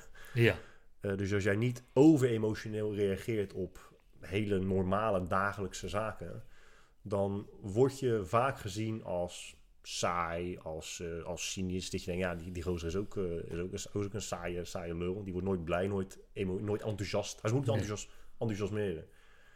Terwijl over-emotioneel zijn, eh, meestal uiten mensen dat in de positieve zin. Die zijn constant, weet je, ah, nee, enthousiast en blij. Dat is, dat is normaal. Maar wat we net al hebben gesteld is dat het ook de andere kant op gaat. De kans dat die mensen negatieve emoties ervaren is, is, is ook groot. sterker nog, als, je aan, als ik aan een gemiddeld iemand vraag, deze persoon is emotioneel, bedoel je daarmee dat hij altijd blij is en fluit? Hmm. Het antwoord is nee, Nee, precies. het is altijd negatief. Ja. Maar regelmatig over-emotioneel zijn is dus een teken van dat er iets waarschijnlijk niet helemaal is zoals het hoort te zijn. Als we, als we het neurotisme noemen, maar als we het neurotisme noemen, Ja, of Nou. emotionele instabiliteit, ja. dat, dat komt op mij niet heel positief over. Nou, er zijn bepaalde beroepen waar je dan voor uitgesloten wordt, ja, zeker. ja, Ja, zoals scherpschutter, dat soort dingen, zeker. ja precies. Nee, Dus ik weet het is- dat de politie bijvoorbeeld daarop screent. Dus iemand die hoog scoort op, eh, op eh, de track N, Mhm. neurotisme, die, de kans dat hij de academie ingaat is echt heel klein. Dus het is heel contextgebonden. Terwijl maatschappelijk gezien is, is over emotioneel zijn juist vaak goed. Een, goed, een goede eigenschap. Je- nou, dat hangt er vanaf of je de positieve kant laat zien en precies, de negatieve ja, kant kunt verbergen. Dan wordt het gezien als iets positiefs. En dan verberg je dus gewoon een hele, hele slechte eigenschap voor de rest van de wereld. Ja. En de kans dat je er dan iets mee doet is ook heel klein. Het is, het is niet per se slecht om zo te zijn. Ik Maar- weet niet of dat zo is. Ik, ik ken, kijk, vanuit een oplossingsgerichte gedachte is gewoon, ja, wanneer wordt je leven beter als ik dit doe? Hmm. En dan zegt een psycholoog vanuit die op, oplossingsgerichte kant, zegt dan gewoon, doe daar dan meer van. Ja, precies. Ja, en dat is het. Ja. Ja, oh, en dat, dat werkt niet. Doe daar minder van. Hmm. Het is wel pragmatisch. Het is zeker pragmatisch, ja. Ehm, dus dat is, eh, dat is niet zoals Dr. Phil het zou doen. Eh, die meer van de red. Eh, dus die, ja, dat is gewoon een modelmens Hmm. met 12 punten. En Je volgt stappen. Ja, en als je daar niet eh, goed op eh, scoort, dan is dat altijd het probleem, onderliggend probleem. Daar ben je niet mee eens, hè? Nou, laat ik het zo zeggen. Oplossingsgericht werkt net zo goed als elke andere methodiek is Mm. gebleken. Eh, dus ik weet niet of ik het mee eens of niet mee eens ben, maar het is heel lastig te bewijzen. Ja, oké. Ja. Goed, wat je net dus zei over dat vrienden familie is die je dus kiest. Ja, Ik ben dus benieuwd wat je vindt van het idee, en dat zie je in, in sommige culturen veel sterker naar voren komen dan in andere culturen. Eh, een aantal dingen. Hè, familie boven alles. Want is het argument dan, ik ben je moeder, of ik ben je vader, ik ben je oom. En daar heb je er maar één van. Van je oom niet, maar van je, van je moeder en vader meestal wel. Biologische moeder en vader. Eh, dat vind ik ehm, een, een, een gedachtegang die veel mensen in de problemen eh, Ja. werkt, helpt. Omdat ze continu hun hele leven lang tot de laatste adem van hun ouders bewijsdrang naar hun ouders hebben. Die moeten en zullen altijd hun ouders moeten bewijzen dat ze goed zijn, want het zijn je ouders. En dan vergeten ze gewoon het menselijke aspect. ja. Ehm, en wat was punt 2? Ja, die kom, kom ik zo wel even op terug. Merk jij daar iets van? Zie je dat veel? Oh, dat wilde ik. Ja, dat, wat je dus nu veel op social media ook ziet. Ehm, en dat is dus omdat heel veel mensen gewoon continu hun problemen uiten. Is dat je ziet dat veel mensen iets missen bij hun ouders. Dus ze missen een vaderlijk figuur in hun leven of ze missen een moederlijk figuur in hun leven. Meestal is het voor de. eh, in de meeste gevallen is, is het een vader die, eh, die ontbreekt. Maar als jij een vader mist in je leven, mis je niet per se een biologische vader. Je mist gewoon iemand die de eigenschappen heeft van een vaderlijk figuur en jou daarin kunt voorzien. Maar dat hoeft helemaal niet daadwerkelijk je vader te zijn. Nee, dat is de reden waarom dat sommige kinderen floreren met een stiefvader die gewoon als, ja, als vaderfiguur Ja. optreedt. Maar het zou zelfs een oudere vriend kunnen zijn. Het zou zelfs een vriend van van dezelfde leeftijd Zeker. kunnen zijn. Ja, dat gebeurt. Zeker. Maar dat is, weer, dat is weer een van de dingen waarvan ik dan denk, ja, dit weten we. Heel veel mensen weten dit al. Maar omdat je gewoon zo gefixeerd bent op een probleem die je voor jezelf hebt gefabriceerd. Nou, in die zin, je, je, er ontbreekt wel een vaderlijk figuur in je leven. Ja. Maar het is niet dat de oplossing is dat je daadwerkelijk je vader betrokken moet hebben bij je leven. Dat, dat is niet de oplossing. Je mist gewoon überhaupt een persoon die daaraan kan voldoen. Dus je zoekt sowieso naar een oplossing in de verkeerde hoek. En dat komt weer meestal door een gebrek aan, eh, aan kennis eigenlijk. Aan informatie, laat ik het zo zeggen. Deels, maar soms ook in opvoeding. Ehm, kijk, als, als, als, als jouw ouders in die, ehm, in die kwetsbare jaren eh, natuurlijk ze zijn een, een constant gegeven geweest, dan vormen ze jou ook deels. Ehm, en als er in die opvoeding behoefte, frustratie is ontstaan, is dat de associatie die je hebt met die ouders. Ja. Dus je gaat altijd relatief heftig emotioneel reageren op je ouders. Ja. En niet altijd in de, in de, op de beste manier. Als dat ook nog leidt tot behoefte, frustratie over een bredere zin eh, in je leven, dan ga je die dingen allemaal associëren met elkaar. Hmm. Want jouw lichaam is aanzienlijk minder, is, is heel duidelijk intelligent, maar aanzienlijk minder sophisticated dan jouw conceptueel bewustzijn. Hmm. Dus jouw lichaam eh, associeert dingen vooral op een, op, een, op een soort van continuum van gevaarlijk of niet gevaarlijk.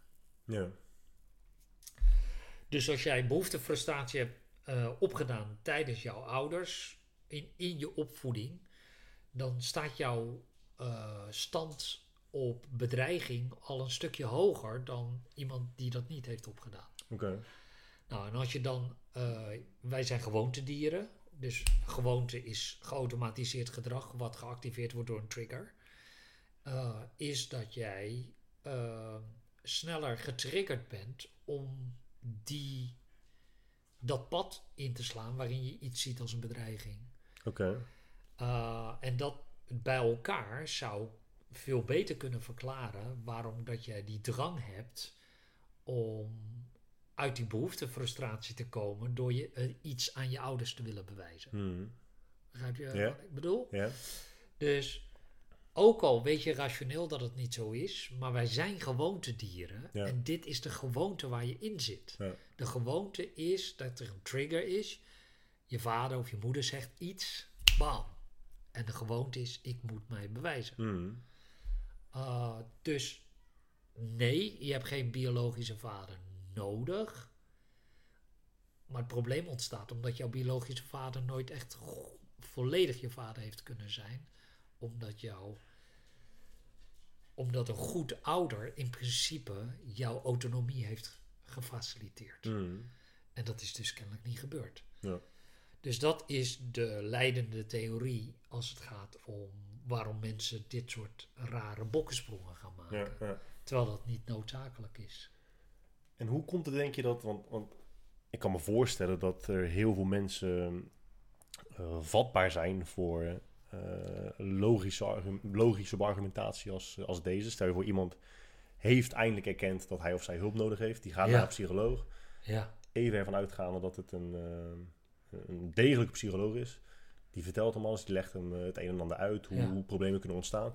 Waarom is het slagingspercentage dan laag van psychologie en psychiatrie? omdat psychologen, heel veel vraagstukken zijn geen psychologische vraagstukken, zijn levensvraagstukken. Oké, En daar zijn ze niet voor opgeleid.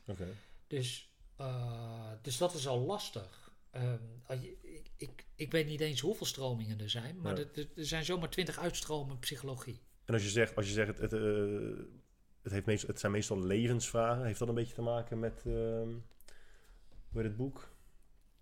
Eh, heel bekend boek. Kijk, hier ben ik dus slecht in, hè? dingen terughalen. Moet meer aan mindmapping doen. Eh hoe dat boek nou? Van eh Franco, van Franco. Hoe heet het ook weer? Victor Frankl, Victor ja, Frankl, The ja, Meaning ja, of Life. Die, die stelt toch ook dat, dat, dat de meeste psychologen, de meeste psychi- psychiaters kijken alleen maar naar het probleem. En die kijken vooral naar wat is er in het verleden gebeurd. En die kijken veel te weinig naar hoe gaan we het leven dat nu nog komt, hoe gaan we dat weer zingeving geven? Hoe gaan we daar weer zingeving in creëren? Dat is maar een deel. Sommigen trekken daar de lijn dat iets eh, therapeutisch is als je het verleden erbij trekt. Oké. Uh, ik weet niet of dat altijd zo is. Maar kijk, als je kijkt naar de staat van, van psychologie, uh, dan is het heel lastig wat dat betekent in de praktijk. De meeste psychologen die wij spreken, die ook in onze opleidingen zitten, maar die ook bijvoorbeeld. Uh,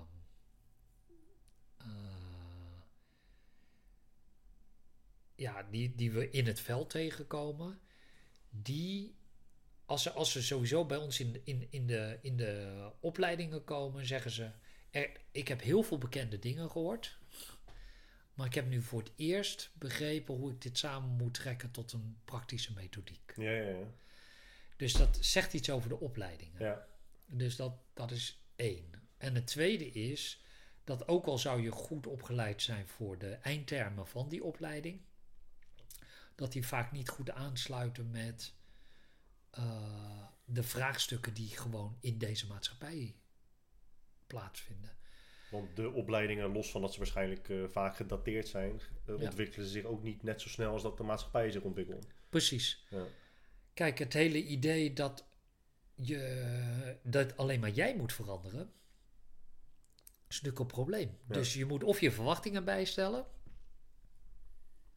of er is iets mis met je. Hmm. Terwijl je ook gewoon kunt zeggen: nee, wacht even. De maatschappij stelt onredelijke eisen. Ja, ja, ja. ja, precies. Dan krijgen we het verhaal waar we net... eh, Ja. Dus, eh, en het tweede is: wat zijn goede regels om te leven? Ja.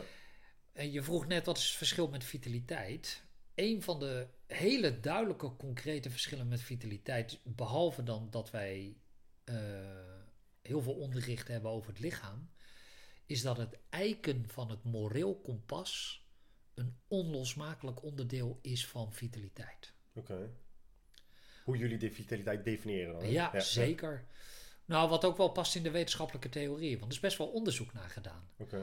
Eh, en in geen enkel wetenschappelijke publicatie wordt vitaliteit geassocieerd met gezondheid. Oké. Met is- daadwerkelijk een meetbare fysieke gezondheid. Ja, dat Ja. staat er los van. Het Ja. heeft veel meer te maken met motivatie. Ja. Want jullie, jullie beschouwen dus gezondheid ook niet als een... Primair continu- doel. Ja, maar ook een continu meetbaar iets.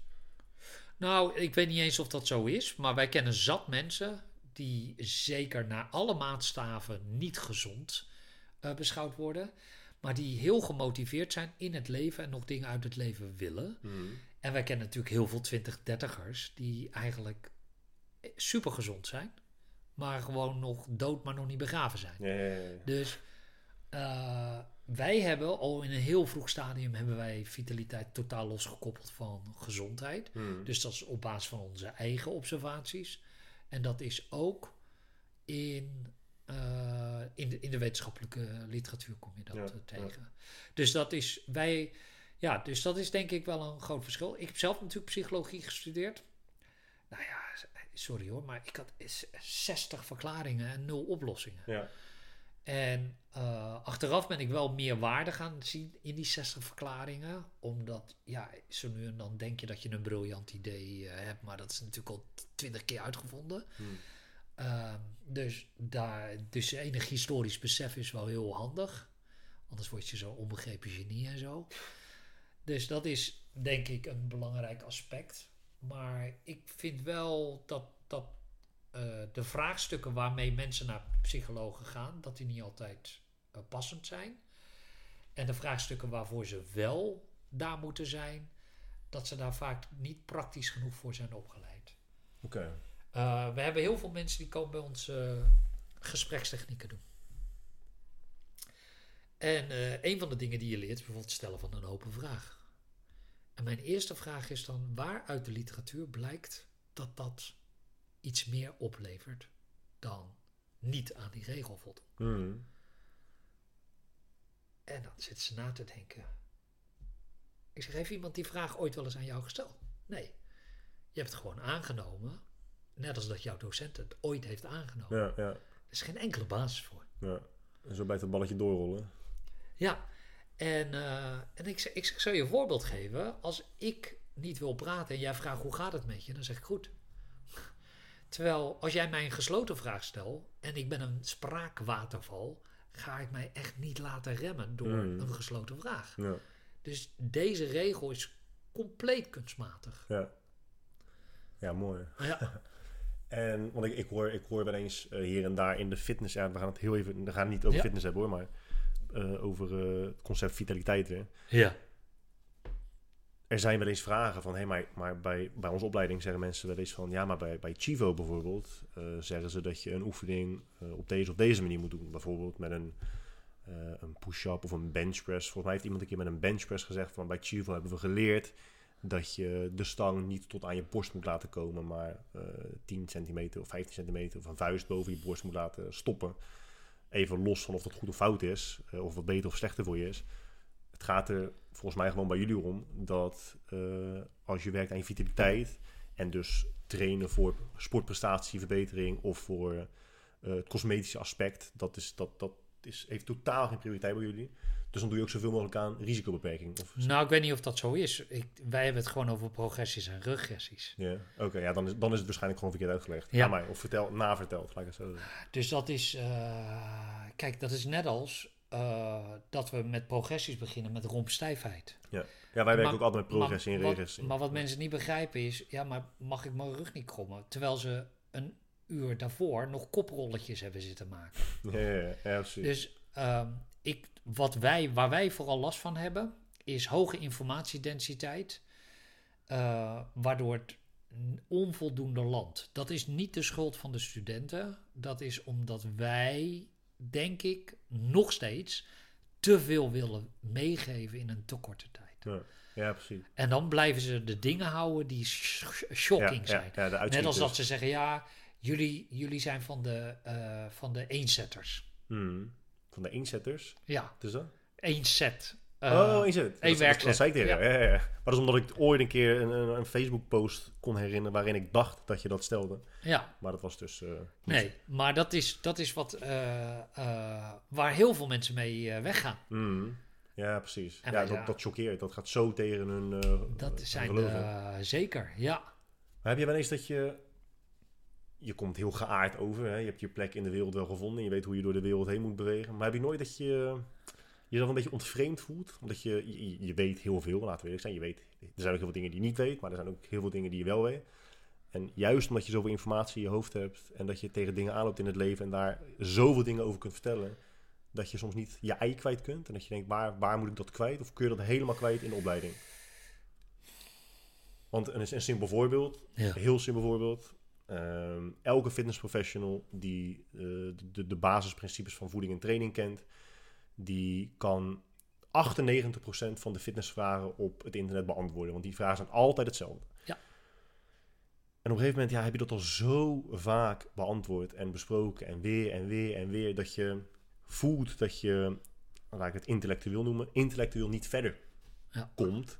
Omdat je omgeving je daarin beperkt. Want die wil, die wil het altijd afperken tot bepaalde onderwerpen. Snap ik. Ja. En hoe meer je weet, hoe meer onderwerpen en hoe meer informatie eh, gewoon heel standaard en bazaal voor je worden. Ja. En je wil verder. Ja. En dan merk jij op een gegeven moment dat hoe meer je weet, hoe meer je leert, hoe moeilijker het wordt om verder te gaan daarin. Omdat je het gewoon nergens kunt vinden en kwijt kunt. Nee, er zijn, ik, ik ervaar twee verschillende dingen. Ik vind het niet erg om duizend keer hetzelfde verhaal te uit te leggen. Omdat je praten leuk vindt of omdat Nee. je me- mensen echt graag helpt. Omdat ik mensen wil helpen. Ja. En hoe, hoe minder ze weten.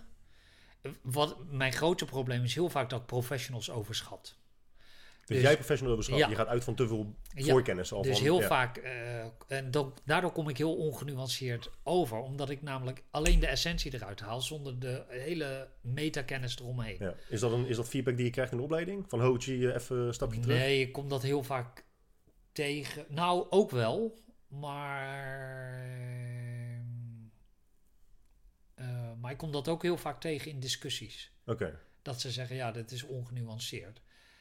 Wa- want Ja, het kan ja. zo, zus en zo. Dus geven ze drie voorbeelden. Ik zeg nee, want dit was namelijk de context. En dat betekent dat A en C al sowieso uitvallen. dus er blijft alleen maar B over. Begrijp je dat dan zelf niet? ja, je hebt het echt gelijk over de kern. Ja. Alle Ja. randzaken die komen te vervallen bij je. Ja, dus dat maakt het lastig. Maar dus dat vind ik helemaal niet erg. Dus als iemand gewoon eh, vragen stelt in zijn algemeenheid, eh, van eh, met de houding, ja, ik begrijp dit niet, kun je dat uit? Dat maakt me niet uit. Dan kan ik gewoon honderd keer de meest simpele dingen eh, gewoon blijven uitleggen. Ben ik met je eens. Als, het, als, als de intentie is, ik wil leren. Maar vaak is het in de fitnessindustrie juist zo dat mensen een vraag stellen omdat ze bevestiging willen van dat wat ze doen het juiste is. Ja. Van hé, hey, eh, ik eet nu vanaf 8 uur eh, eet ik niks meer. Dat is toch goed? Dan willen ze Ja. puur en alleen bevestiging hebben van waarom wat zij doen goed is. Ja. En als je dan altijd het tegenovergestelde moet gaan uitstaan leggen, ja, dat gaat direct tegen hun eigen geloof in. En dan zie je Ja. altijd een beetje dat ze afstand nemen. En ja, dan begint het verhaal toch wel weer ja, anders dan met de intentie. Want ik stel jou gewoon een open vraag, want ik wil graag van je leren. zeker. Maar dat is, staat los, zeg maar, van mijn Eigen kennisniveau. Hmm. Dat is, zegt gewoon iets over intentie. Dit is gewoon iemand die. eh, die. Die, ja, die gewoon vooringenomen is. Hmm. Ja, in principe wel. Ja. Uh, dus dat is, dat is denk ik een andere situatie. Dat is veel meer een intentiesituatie. Ja, ja. ja. En, los, en daar los daarvan heb je natuurlijk intellectuele bevrediging. Ja. Waar haal je dat vandaan dan? Daar heb ik niet heel veel mensen bij nodig, ben ik achtergekomen. Oké. Ja. Uh, maar er zijn dus wel mensen waar je daar je ei bij kwijt kunt. En waar je mee kunt sparren. En waar je de ideeën die je in je hoofd hebt tegenuit kunt spreken en kunt, kunt ontwikkelen. Want je kunt, je kunt natuurlijk een artikel lezen, hebben we het ook, ook eerder over gehad. Je kunt een artikel lezen en denkt, ja, hier ben ik het mee eens, hier ben ik het mee eens, hier ben ik het mee eens. En zodra je het uit moet gaan leggen aan een persoon die niks met dat artikel te maken heeft, merk je eigenlijk dat de stof je nog niet eigen is. Dus hoe vaker je het over hebt, hoe meer het je eigen wordt, hoe meer je de stof daadwerkelijk begrijpt. Ja. Maar dat moet je ergens kwijt kunnen, toch? Nou, ik, ik denk dat dat bij mij een klein beetje anders is. Ik ben heel pragmatisch. Oké. Dus als iets, als het geen doel heeft, verlies ik heel snel interesse. Oké. Als het geen doel dient. Dat betekent dat ik uh, iets, uh, dus dat is één. Een tweede eigenschap is dat ik heel graag feiten natrek. Hmm. Dus ik lees een artikel en dan denk ik, oh, hier weet ik niks van, dat moet ik uitzoeken. Hier weet ik niks van, moet ik uitzoeken. Hier weet ik niks van. En dan ga ik dat uitzoeken. Ja. En soms klopt dat hele artikel niet. Ja. Dus, dus dat is één deel. Maar daar kunnen heel weinig mensen je bij helpen. Uh, omdat je dat soort van zelf steeds. Omdat, dat, omdat mijn kennisniveau niet genoeg is om te begrijpen of de ander toegevoegde waarde levert. Ja, ja zo. En dan, dan heb je dat uitgezocht. Dan uh, heb je iets nieuws geleerd. En mijn bevrediging zit hem in de toepassing. En niet zozeer het kunnen delen met anderen. Dus dan ga ik er iets mee doen. Ja, oké, ja. En bijvoorbeeld, uh, nou ja, je weet dat ik uh, uh, bijvoorbeeld bezig ben met, met nou, dat ik dingen schrijf over, over de States en Trump. En dan denk je, ja, wat, wat moet je daarmee? Mm. maar omdat ik, omdat dat maar dat is een interessante casus voor mij om alle psychologische theorieën en sociologische theorieën, om die te gebruiken om te kunnen verklaren wat er gaat gebeuren en om te voorspellen wat er gaat gebeuren. Mm. Ja, oké. dus daar zie ik het, daar komt mijn bevrediging vandaan. Ja, precies. ik, ik legde het ook iets ongenuanceerd uit toen ik zei dat je het over moet hebben met mensen. Ja. Uh, ik bedoelde inderdaad gewoon iets concreet doen met de informatie die je zojuist tot je zal genomen. En dan is schrijven inderdaad ook een van de manieren. Schrijven is één van, ja. ja. Maar ik heb ook, nou ja, de, de, nou ja duizend en één andere dingen die gewoon leiden tot dingen die ik maak of hmm. dingen die ik doe. Maar heb je ook een heel goed geheugen? Ik heb een. Nou, dat zat moeilijk te. ik, ja, ik heb een goed geheugen. Maar ik merk ook dat ik bepaalde dingen niet kan. Dus als ik een uh, songteksten moet leren, dan uh, dat is heel moeilijk voor mij gebleken. En, waarom, in welke situatie moet je songteksten leren? Nou, uh, als ik een, een liedje speel. Ja, want je, bent ook, je, je maakt ook muziek. Ja. en ik moet een, en, en is een, een songtekst, dan, dan kan ik daar gewoon. Uh, ik kan niet echt zingen of zo hoor. Ik kan wel toon houden. Hmm. Maar, uh, maar ik kom erachter dat ik uh, een vers vaak meerdere malen moet spelen en zingen voordat hij in mijn hoofd zit. Okay. Terwijl ik heel veel mensen ken die gewoon songteksten alleen maar hoor, song, li liedjes hmm. hoort en dus de, en de tekst ook kennen. Ik vraag het ook en het is ook super dom, want ik heb natuurlijk best wel vaak uh, gitaren zien spelen bij, uh, op video's en op foto's van mij van Chivo. Dat was oh, mensen bij jullie komen. En eindigen jullie soms met een gitaar met een jam sessie. Ja. Ben, ja, dat, dat zie je, dat, dat was ik dus vergeten. Dus dat zegt gelijk genoeg over mijn geheugen.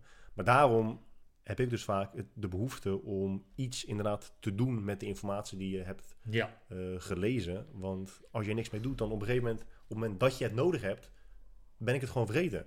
Net als nu, zowel dat boek dat ik had gelezen over uh, Wii. Ja. Of de video's van John Verveke. Nou, dat is allemaal onwijs, onwijs relevant voor de gesprekken die wij hebben gevoerd. Ja.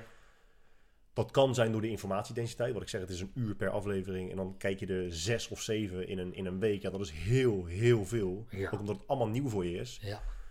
Maar dan denk je, ja, dat is toch dat is helemaal kut. Want het is, het is compleet nutteloos wat je doet, hè? Want je leest dan een boek. Ja, Of je leest een artikel, of je, je bekijkt een, eh, een lecture. ja, En op het moment dat je het nodig hebt en toe moet passen, weet je het niet meer. ja. En dan denk ik, ja, verdomme, ja, hier, hier zit iets in. Wacht even, ik heb laatst iets gezien. Toen zei die zus en zo. En meestal, nee, altijd, als je iets ehm, probeert te beargumenteren... Ja. en het is heel vaag en onduidelijk... en dat iemand denkt, ja, waar heb je het nou precies over? Ja, ik snap wel waar je naartoe wilt, maar het is te onduidelijk. ja. Dan ben je ook niet heel erg geloofwaardig. Maar het is, Nee. het is- maar het is dus best wel lastig om, zeker als je dus nieuwsgierig van aard bent... en Ja. altijd alleen maar bezig bent met de breedte opzoeken... allemaal verschillende onderwerpen tot jezelf wilt, eh, wilt nemen... om dat gewoon te onthouden en op relevante momenten toe te kunnen passen. Ja, Onwijs moeilijk. ja. Lees je dingen ook dan vaker? Dat je denkt van dit is interessant, dan lees je het nog een keer en nog een keer en nog een keer. Of lees je het één keer en dan kan je het over 18 jaar woord Nee. voor woord citeren. Zeker niet, want ik, ik ben vaak zelf vergeten wat ik heb geschreven. Oké, ja. Daar kom ik achter. Uh, maar wat ik wel heel sterk heb, is, is echt, ik, ehm, ik kan het bijna altijd vertalen naar de praktijk, oké. wat ik lees. Ja. En als ik het niet kan vertalen naar de praktijk, en het voldoet ook niet aan feiten, dan wordt het voor mij moeilijk.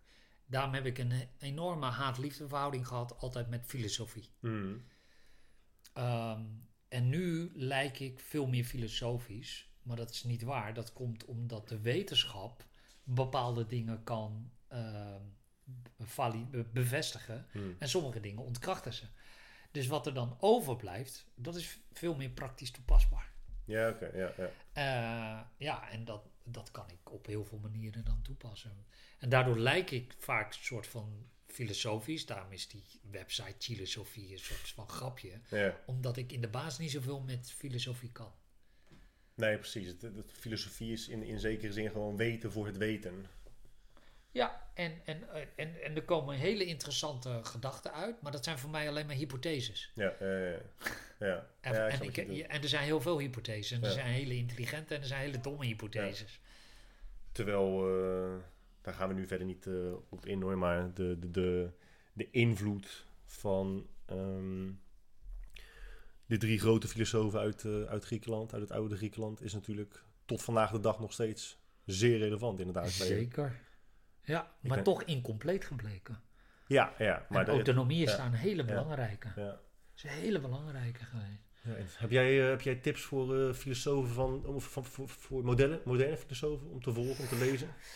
Nou, kijk, vanuit de wetenschap is Karl Popper is natuurlijk zeg maar cruciaal. Zijn falsificatieprincipe is natuurlijk een hele belangrijke gebleken. Dan heb je natuurlijk het werk van Kant. Hmm. Uh, maar En Kant, Kant is toch de persoon, want daar hebben we het even kort over gehad, over causaliteit. Kant is toch degene die zei van, wacht even, dat klopt niet helemaal. ja, precies. Want, Ja. want inderdaad, Hij is eh, minder pragmatisch. Hij is ja. helemaal niet pragmatisch daarin. Ja. volgens mij is, is, is En Kant... Karl ook- Popper is heel pragmatisch. Ja, oké. Ja. Maar ik. Ehm, daarom eh, gaf ik aan dat Karl Popper. eh, en dat is dus voor ingenomenheid. Hmm. Een hele belangrijke, zei ik. Eh, om die reden, omdat dat mij gewoon veel meer aanspreekt. Het is veel duidelijker voor mij. ja, precies. En veel praktisch toepasbaar. Ga je Ja. opzoeken. Ik kan God niet ontkrachten. Dus is het geen wetenschap. Ja, Maar dat wil niet zeggen dat God niet bestaat. Het wil alleen maar zeggen dat het geen wetenschap is. ja, Punt. ja. ja. Ja, oké, dat- ja, daar kan ik iets mee. Kan ik meteen zo parkeren, los en gaan. Mooi. Ja, dus dat zijn wel... eh, ja, ik weet niet of dat per definitie... het- je kunt dat altijd verrijken, maar waar we eh, een, een soort van een beetje in mijn eigen vakgebied... wat deels filosofisch is... is, eh, is de belichaamde cognitie. Oké. Dus het idee eh, van lichaam en geest is één. Hmm. Nou, dat is altijd geroepen in de, de belichaamde cognitie. Grotendeels gedomineerd door filosofen. Hmm. Maar de neurobiologische kennis is daar zo toegenomen dat dat nu echt gewoon praktisch begint te worden. Oké. Ja, dat is echt wel een heel nieuw spannend veld eigenlijk. Ja, Ik denk dat we af gaan sluiten, man. Ja kan me wel voorstellen. Ik, ik, vond, ik vond het echt heel leuk. Echt Ja. een, eh, voor mij eh, leerzaam, leerzaam gesprek. Leuk gesprek. Oh ja, ik vond het ook een leuk gesprek. We zijn eh, bijna drie uur bezig. Ja?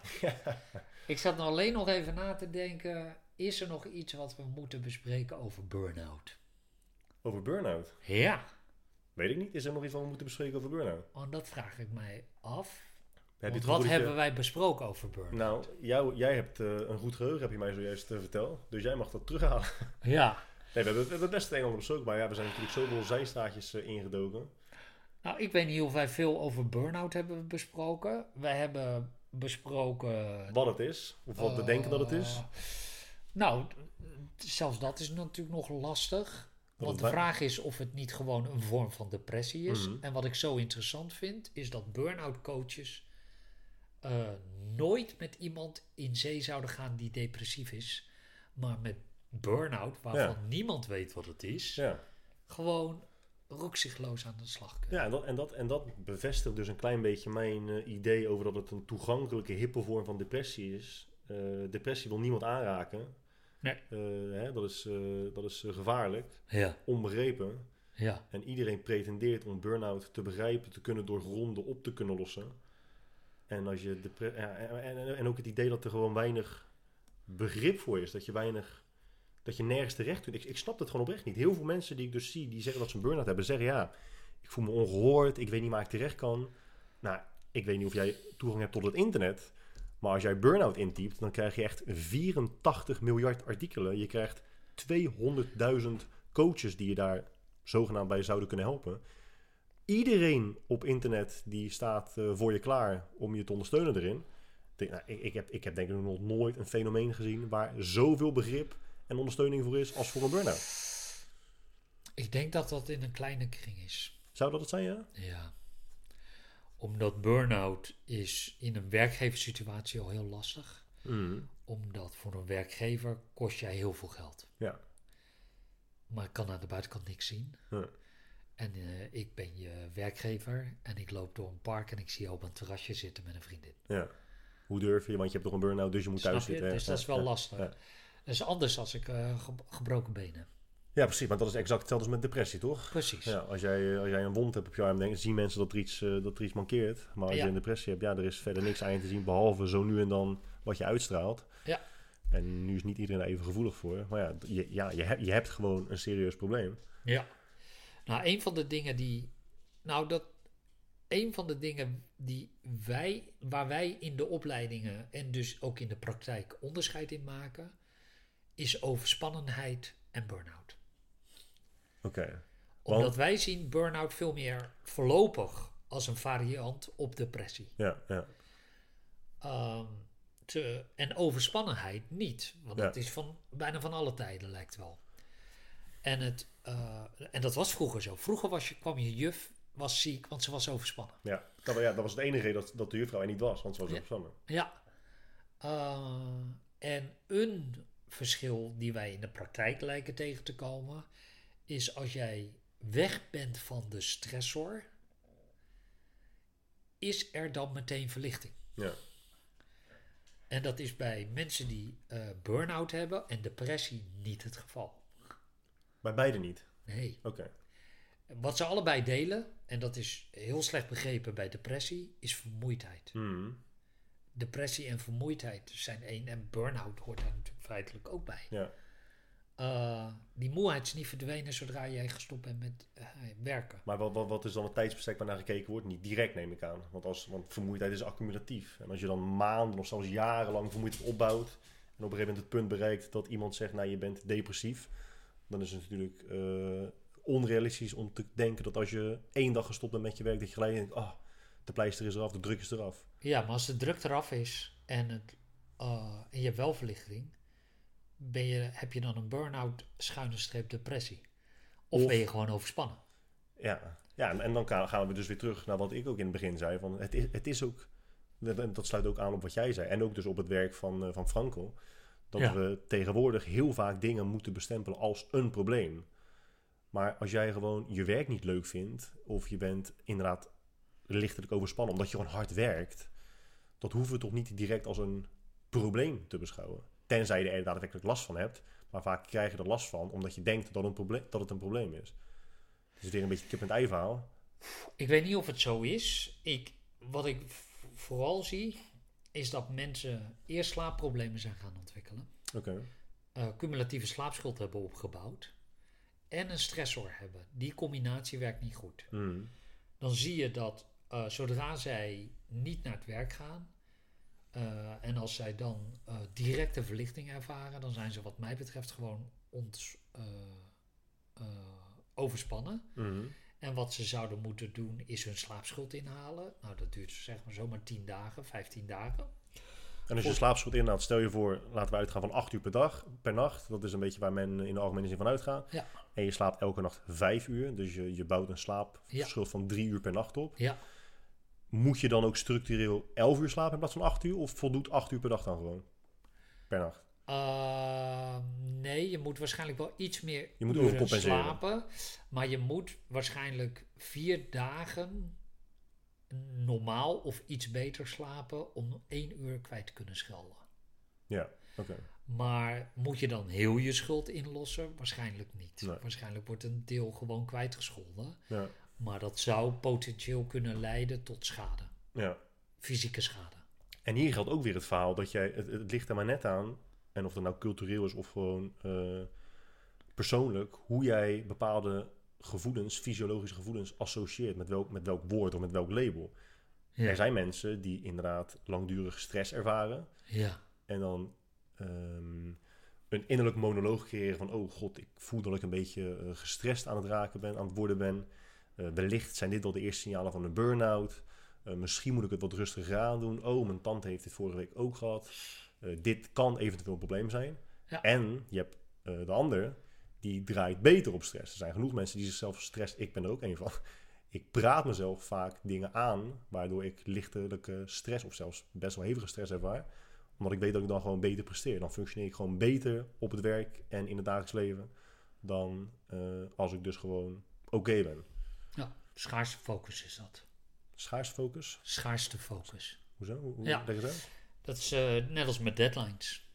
Bijvoorbeeld, ja precies. Ja, als ja. jij, eh, het werkt beter om elke week een kleine deadline te hebben dan over een maand één grote. Want precies. uiteindelijk ben je toch pas in de, de laatste, twee dagen, ja. dagen ben je bezig. Snap je? Eh, wat je creëert is schaarste. Schaarste in tijd. Hmm. Schaarste, elke vorm van schaarste, leidt tot verhoogde focus. Ja. Eh, Maar, en ook, daarmee maar, ook tot, activatie. maar ook tot het gevoel van stress. Ja, zeker. En de ene wordt daar dus gestrest van en ervaart dat negatief. Ja, maar wat is het verschil tussen negatief en positief? Het verschil tussen een positieve en negatieve stress is verli- verlies van controle.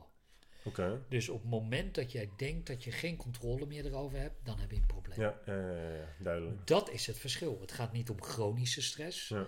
Het gaat om, heb ik er nog controle over? Het, is ook, dus, het, is ook deels, het heeft ook deels met karakter te maken. Als jouw werkgever je continu overspoelt met werk, de ene persoon die blijft het accepteren en op een gegeven moment denkt, ja, ik ben nu inderdaad de controle kwijt. En de Ja. andere persoon die, die, die, die, die geeft gelijk duidelijk zijn grens aan en die zegt, heel even, eh lieve Zeker, chef, tot hier en niet verder, want ik kan niet meer hebben dan dat, dan dit. zeker. Ja, dus soms is assertiviteit het antwoord. Ja, Maar als jij een karakter hebt die eh, heel sterk gericht is op het behouden van harmonie, Mhm. dan begin je dus met vijf punten achter. en dan verlies je dus weer autonomie. Daar komt het Dan neer. moet je handelen tegen hetgeen wie je zelf bent op dat moment. En dat op zich kan ook al een probleem opleveren. Ja, ja, precies. Ja, nee zeker. Dus dat is, dat is een heel individueel traject. Je kunt niet alleen maar zeggen je moet assertief zijn. Het is veel meer wie ben je, waar ben je goed in, wat, wat, wat gaat werken, tot wat ben jij bereid, waar, wat zijn je waarden en normen. Eh, dus dat, dat hele verhaal, dat is best wel complex. En dat is wat je in kaart moet brengen als je iemand beter wil laten functioneren in de omgeving waar die zit. Vaak willen mensen ook alles. Hè. Ze willen en hun werkgever tevreden houden. En ze willen bovengemiddeld presteren op het werk. En ze willen genoeg slapen. En ze willen eh, geluksgevoel ervaren op En het ze werk. willen de harmonie bewaren. Ja, precies. Ja, ja. Ja. Dus je, je moet ergens keuzes maken. Zeker. Dus dat heeft veel meer te maken met wat zijn je waarden en normen. Hmm. Ehm, en, eh, maar ook waar ben je goed in. En die twee kunnen helemaal eh, niet eh, in één lijn zijn. Nee. Dus het kan best zijn dat ik niet liefdevol ben, maar dat toch belangrijk vind. Ja, precies. Ja. Nou, wat ga je doen? Dan, ga je, dan zou je kunnen, liefdevolle mensen om je heen kunnen verzamelen. Ja. Omdat je dan elke dag herinnerd wordt aan wat jij belangrijk vindt. En het is altijd een klein beetje besmettelijk. Ja, precies. Interessant dat je het zegt. Je ziet ook in, in omdat we het er net ook over hebben gehad, in relaties, dat bijvoorbeeld de een vindt het heel belangrijk om fysieke affectie te krijgen, maar Ja. geeft het zelf niet.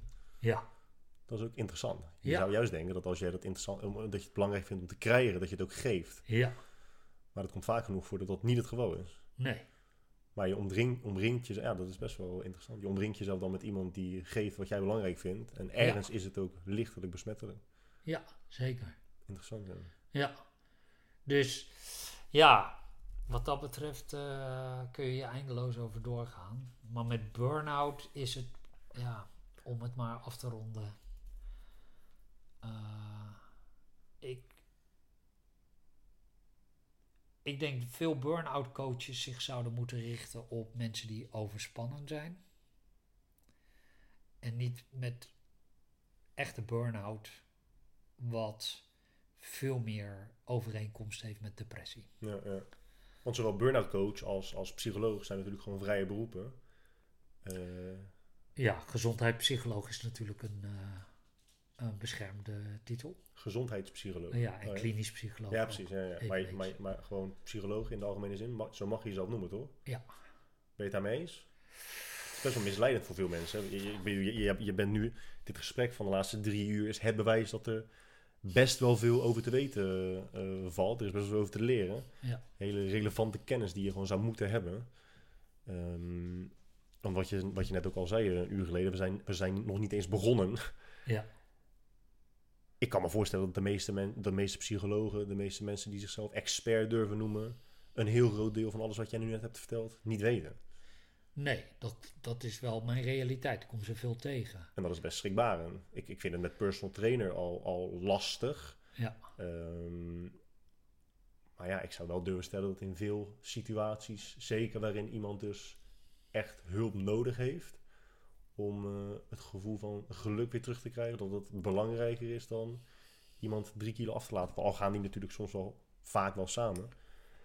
Ehm, Weet je wat ik zo lastig vind? Ik, ik snap jouw, jouw bezwaar. En ik voel dat bezwaar ook heel vaak. Uh, dus waar je het over hebt, uh, zou iedereen zich zomaar voor kunnen doen als X, Y of Z. Maar wat ik ook interessant vind, is dat als we alles zouden afbakenen, dat dat nooit leidt tot nieuwe beroepen. hmm. Omdat het, het beroep personal trainer, wat ik echt een beroep vind, had je ook af kunnen schieten door te zeggen: Ik ben fysio.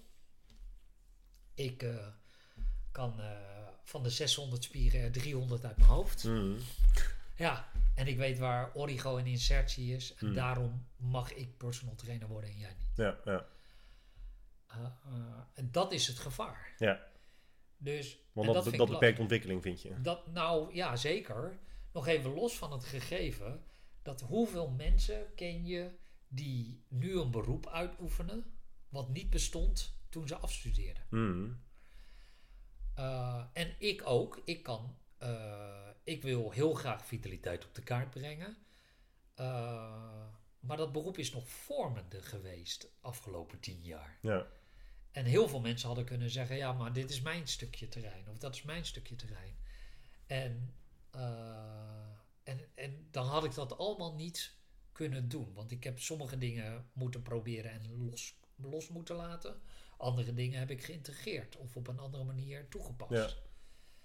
Uh, dus ik vind dat lastig. Want ja. hoe kun je dan iets nieuws ontwikkelen als alles afgekaderd ja. is en beschermd? Nee, ik, zeg, ik zei inderdaad niet, ik zou niet per se stellen dat uh, het afkaderen de oplossing is. Maar je zou bijvoorbeeld wel, ik kan bijvoorbeeld twee voorbeelden noemen. Uh, ja. Waarin de soort van hiërarchie van bekwaamheid dus weer duidelijk naar voren komt. mijn broertje die gaat regelmatig naar Japan. Jij bent er, ben je er wel eens geweest? Ik ben wel eens in Japan okay. geweest. Uh, die zegt ook, nou, als je daar rondloopt, dan kijk je dus naar de sushi-zaken. En dan zie je dus wat voor cijfer ze hebben. Dus je weet ja. gewoon wat een goede zaak is en wat een slechte zaak is. Ja. En een relatief slechte zaak schaamt zich daar ook niet voor. Die heeft dan gewoon een lager cijfer. Maar dan hebben ze wat goedkopere sushi, uh, wat slechtere kwaliteit vis. En daar okay. is gewoon een doelgroep voor. Um, toen wij in Zuid-Afrika waren, waar de, waar de service in heel veel restaurants fenomenaal is. Als je dan een uh, beginner had, die net in de horeca werkte... Dan kwam ze naar je tafel toe, hij of zij. En het eerste wat ze zeiden was... Eh, nou ja, alvast mijn excuses als er iets verkeerd gaat. Ik ben nu in training, dus het kan zijn dat ik iets minder kwaliteit bied dan wat jullie gewend zijn. Vinden jullie dat oké? Ehm, als jij jezelf gewoon psycholoog noemt, is heel, dan is het wel heel binair. Je bent gewoon op psycholoog of je bent het niet. En Ja. eh, een leek, die ziet, ja, die ziet jouw titel staan. Ja, die is psycholoog. Die zal vast wel weten ehm, hoe hij mij kan helpen. Terwijl het zegt helemaal niets. Dat heb je ook vaak gezegd. Je kunt wel gecertificeerd zijn, maar dat maak je niet per se bekwaam. Gekwalificeerd, hè? Ja. Want ja, er moet- een spectrum zijn, er moet een hiërarchie zijn en die moet duidelijk naar voren komen. En het- ik, ik vind niet dat dat de verantwoordelijkheid moet zijn, of altijd de verantwoordelijkheid moet zijn van de persoon die die dienstverlener zoekt. Want zij hebben gewoon simpelweg de kennis niet om Nee. onderscheid te kunnen maken tussen goed en slecht. Je, je kan een expert niet beoordelen op zijn expertise. Nee, Nee. Als je dat niet bent, als je zelf geen expert Nee, bent. Precies. ja. Ja, en dat is mak maar dat is in personal trainer dus ook al lastig, omdat je weet hoe NL actief eh, staat te roepen langs de zijlijn van dat moet, we moeten dat vak eh, certificeren. Ja. Maar dat is, ja, ik durf dat niet te zeggen. Ik ben daar niet 1, 2, 3. eh, ik, kan, ik kan niet heel duidelijk. Eh, daar een uitspraak over doen. Ik ben daar zelf nooit, nooit over uit. Hmm.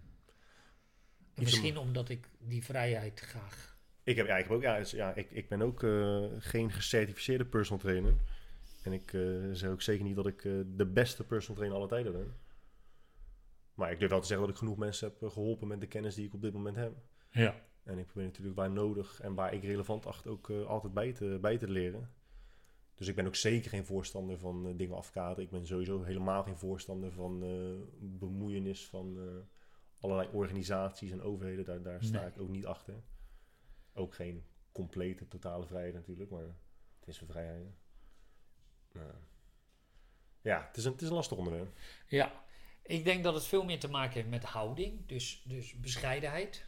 Kun je bescheidenheid tonen? Durf je het omringen met mensen die het niet met je eens zijn?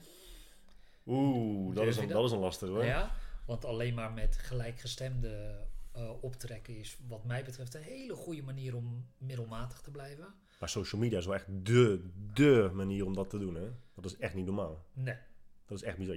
Ongevraagd zelfs gebeurt dat nu. Door al die al- algoritmes krijg jij alleen maar naar de voorgrond gestuurd. Ja. Dat wat jij opzoekt, dat wat jij interessant vindt. ja, Waardoor het lijkt alsof dat het enige is wat nog relevant is. Ja, Waardoor je nog meer het gevoel krijgt dat dat hetgeen is wat de absolute waarheid is. Ja. Waardoor je nog minder geneigd bent om het tegenovergestelde op te zoeken. ja, Ja, dat blijft maar... Ja, dat, dat is...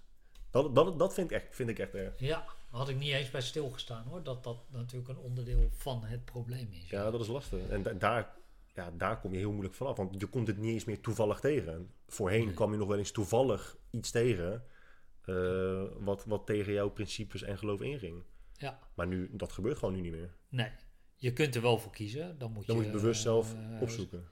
Ja, dan moet je zeggen, ik word gewoon lid van een paar groepen waarvan ik vind dat, het, dat die helemaal gestoord zijn. Ja, het is, het is heel interessant, maar ik denk dat, dat 99,99% van alle mensen die ooit hebben geleefd en nog zullen leven, dat niet zullen doen. Nee. Ongeveer, eh, globale schatting. Ja. Maar ik denk dat dat wel een aantal eigen bescheidenheid, eh, omringen met mensen die het niet met je eens zijn en steeds de vraag stellen waar blijkt het uit. Hmm.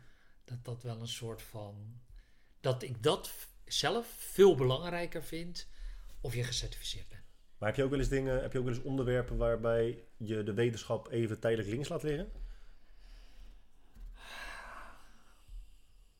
Want je spreekt ook vaak over gevoel, dus het is Ja, niet ook- altijd mogelijk. Ja, gevoel natuurlijk, wordt natuurlijk ook wel onderzocht. Zeker.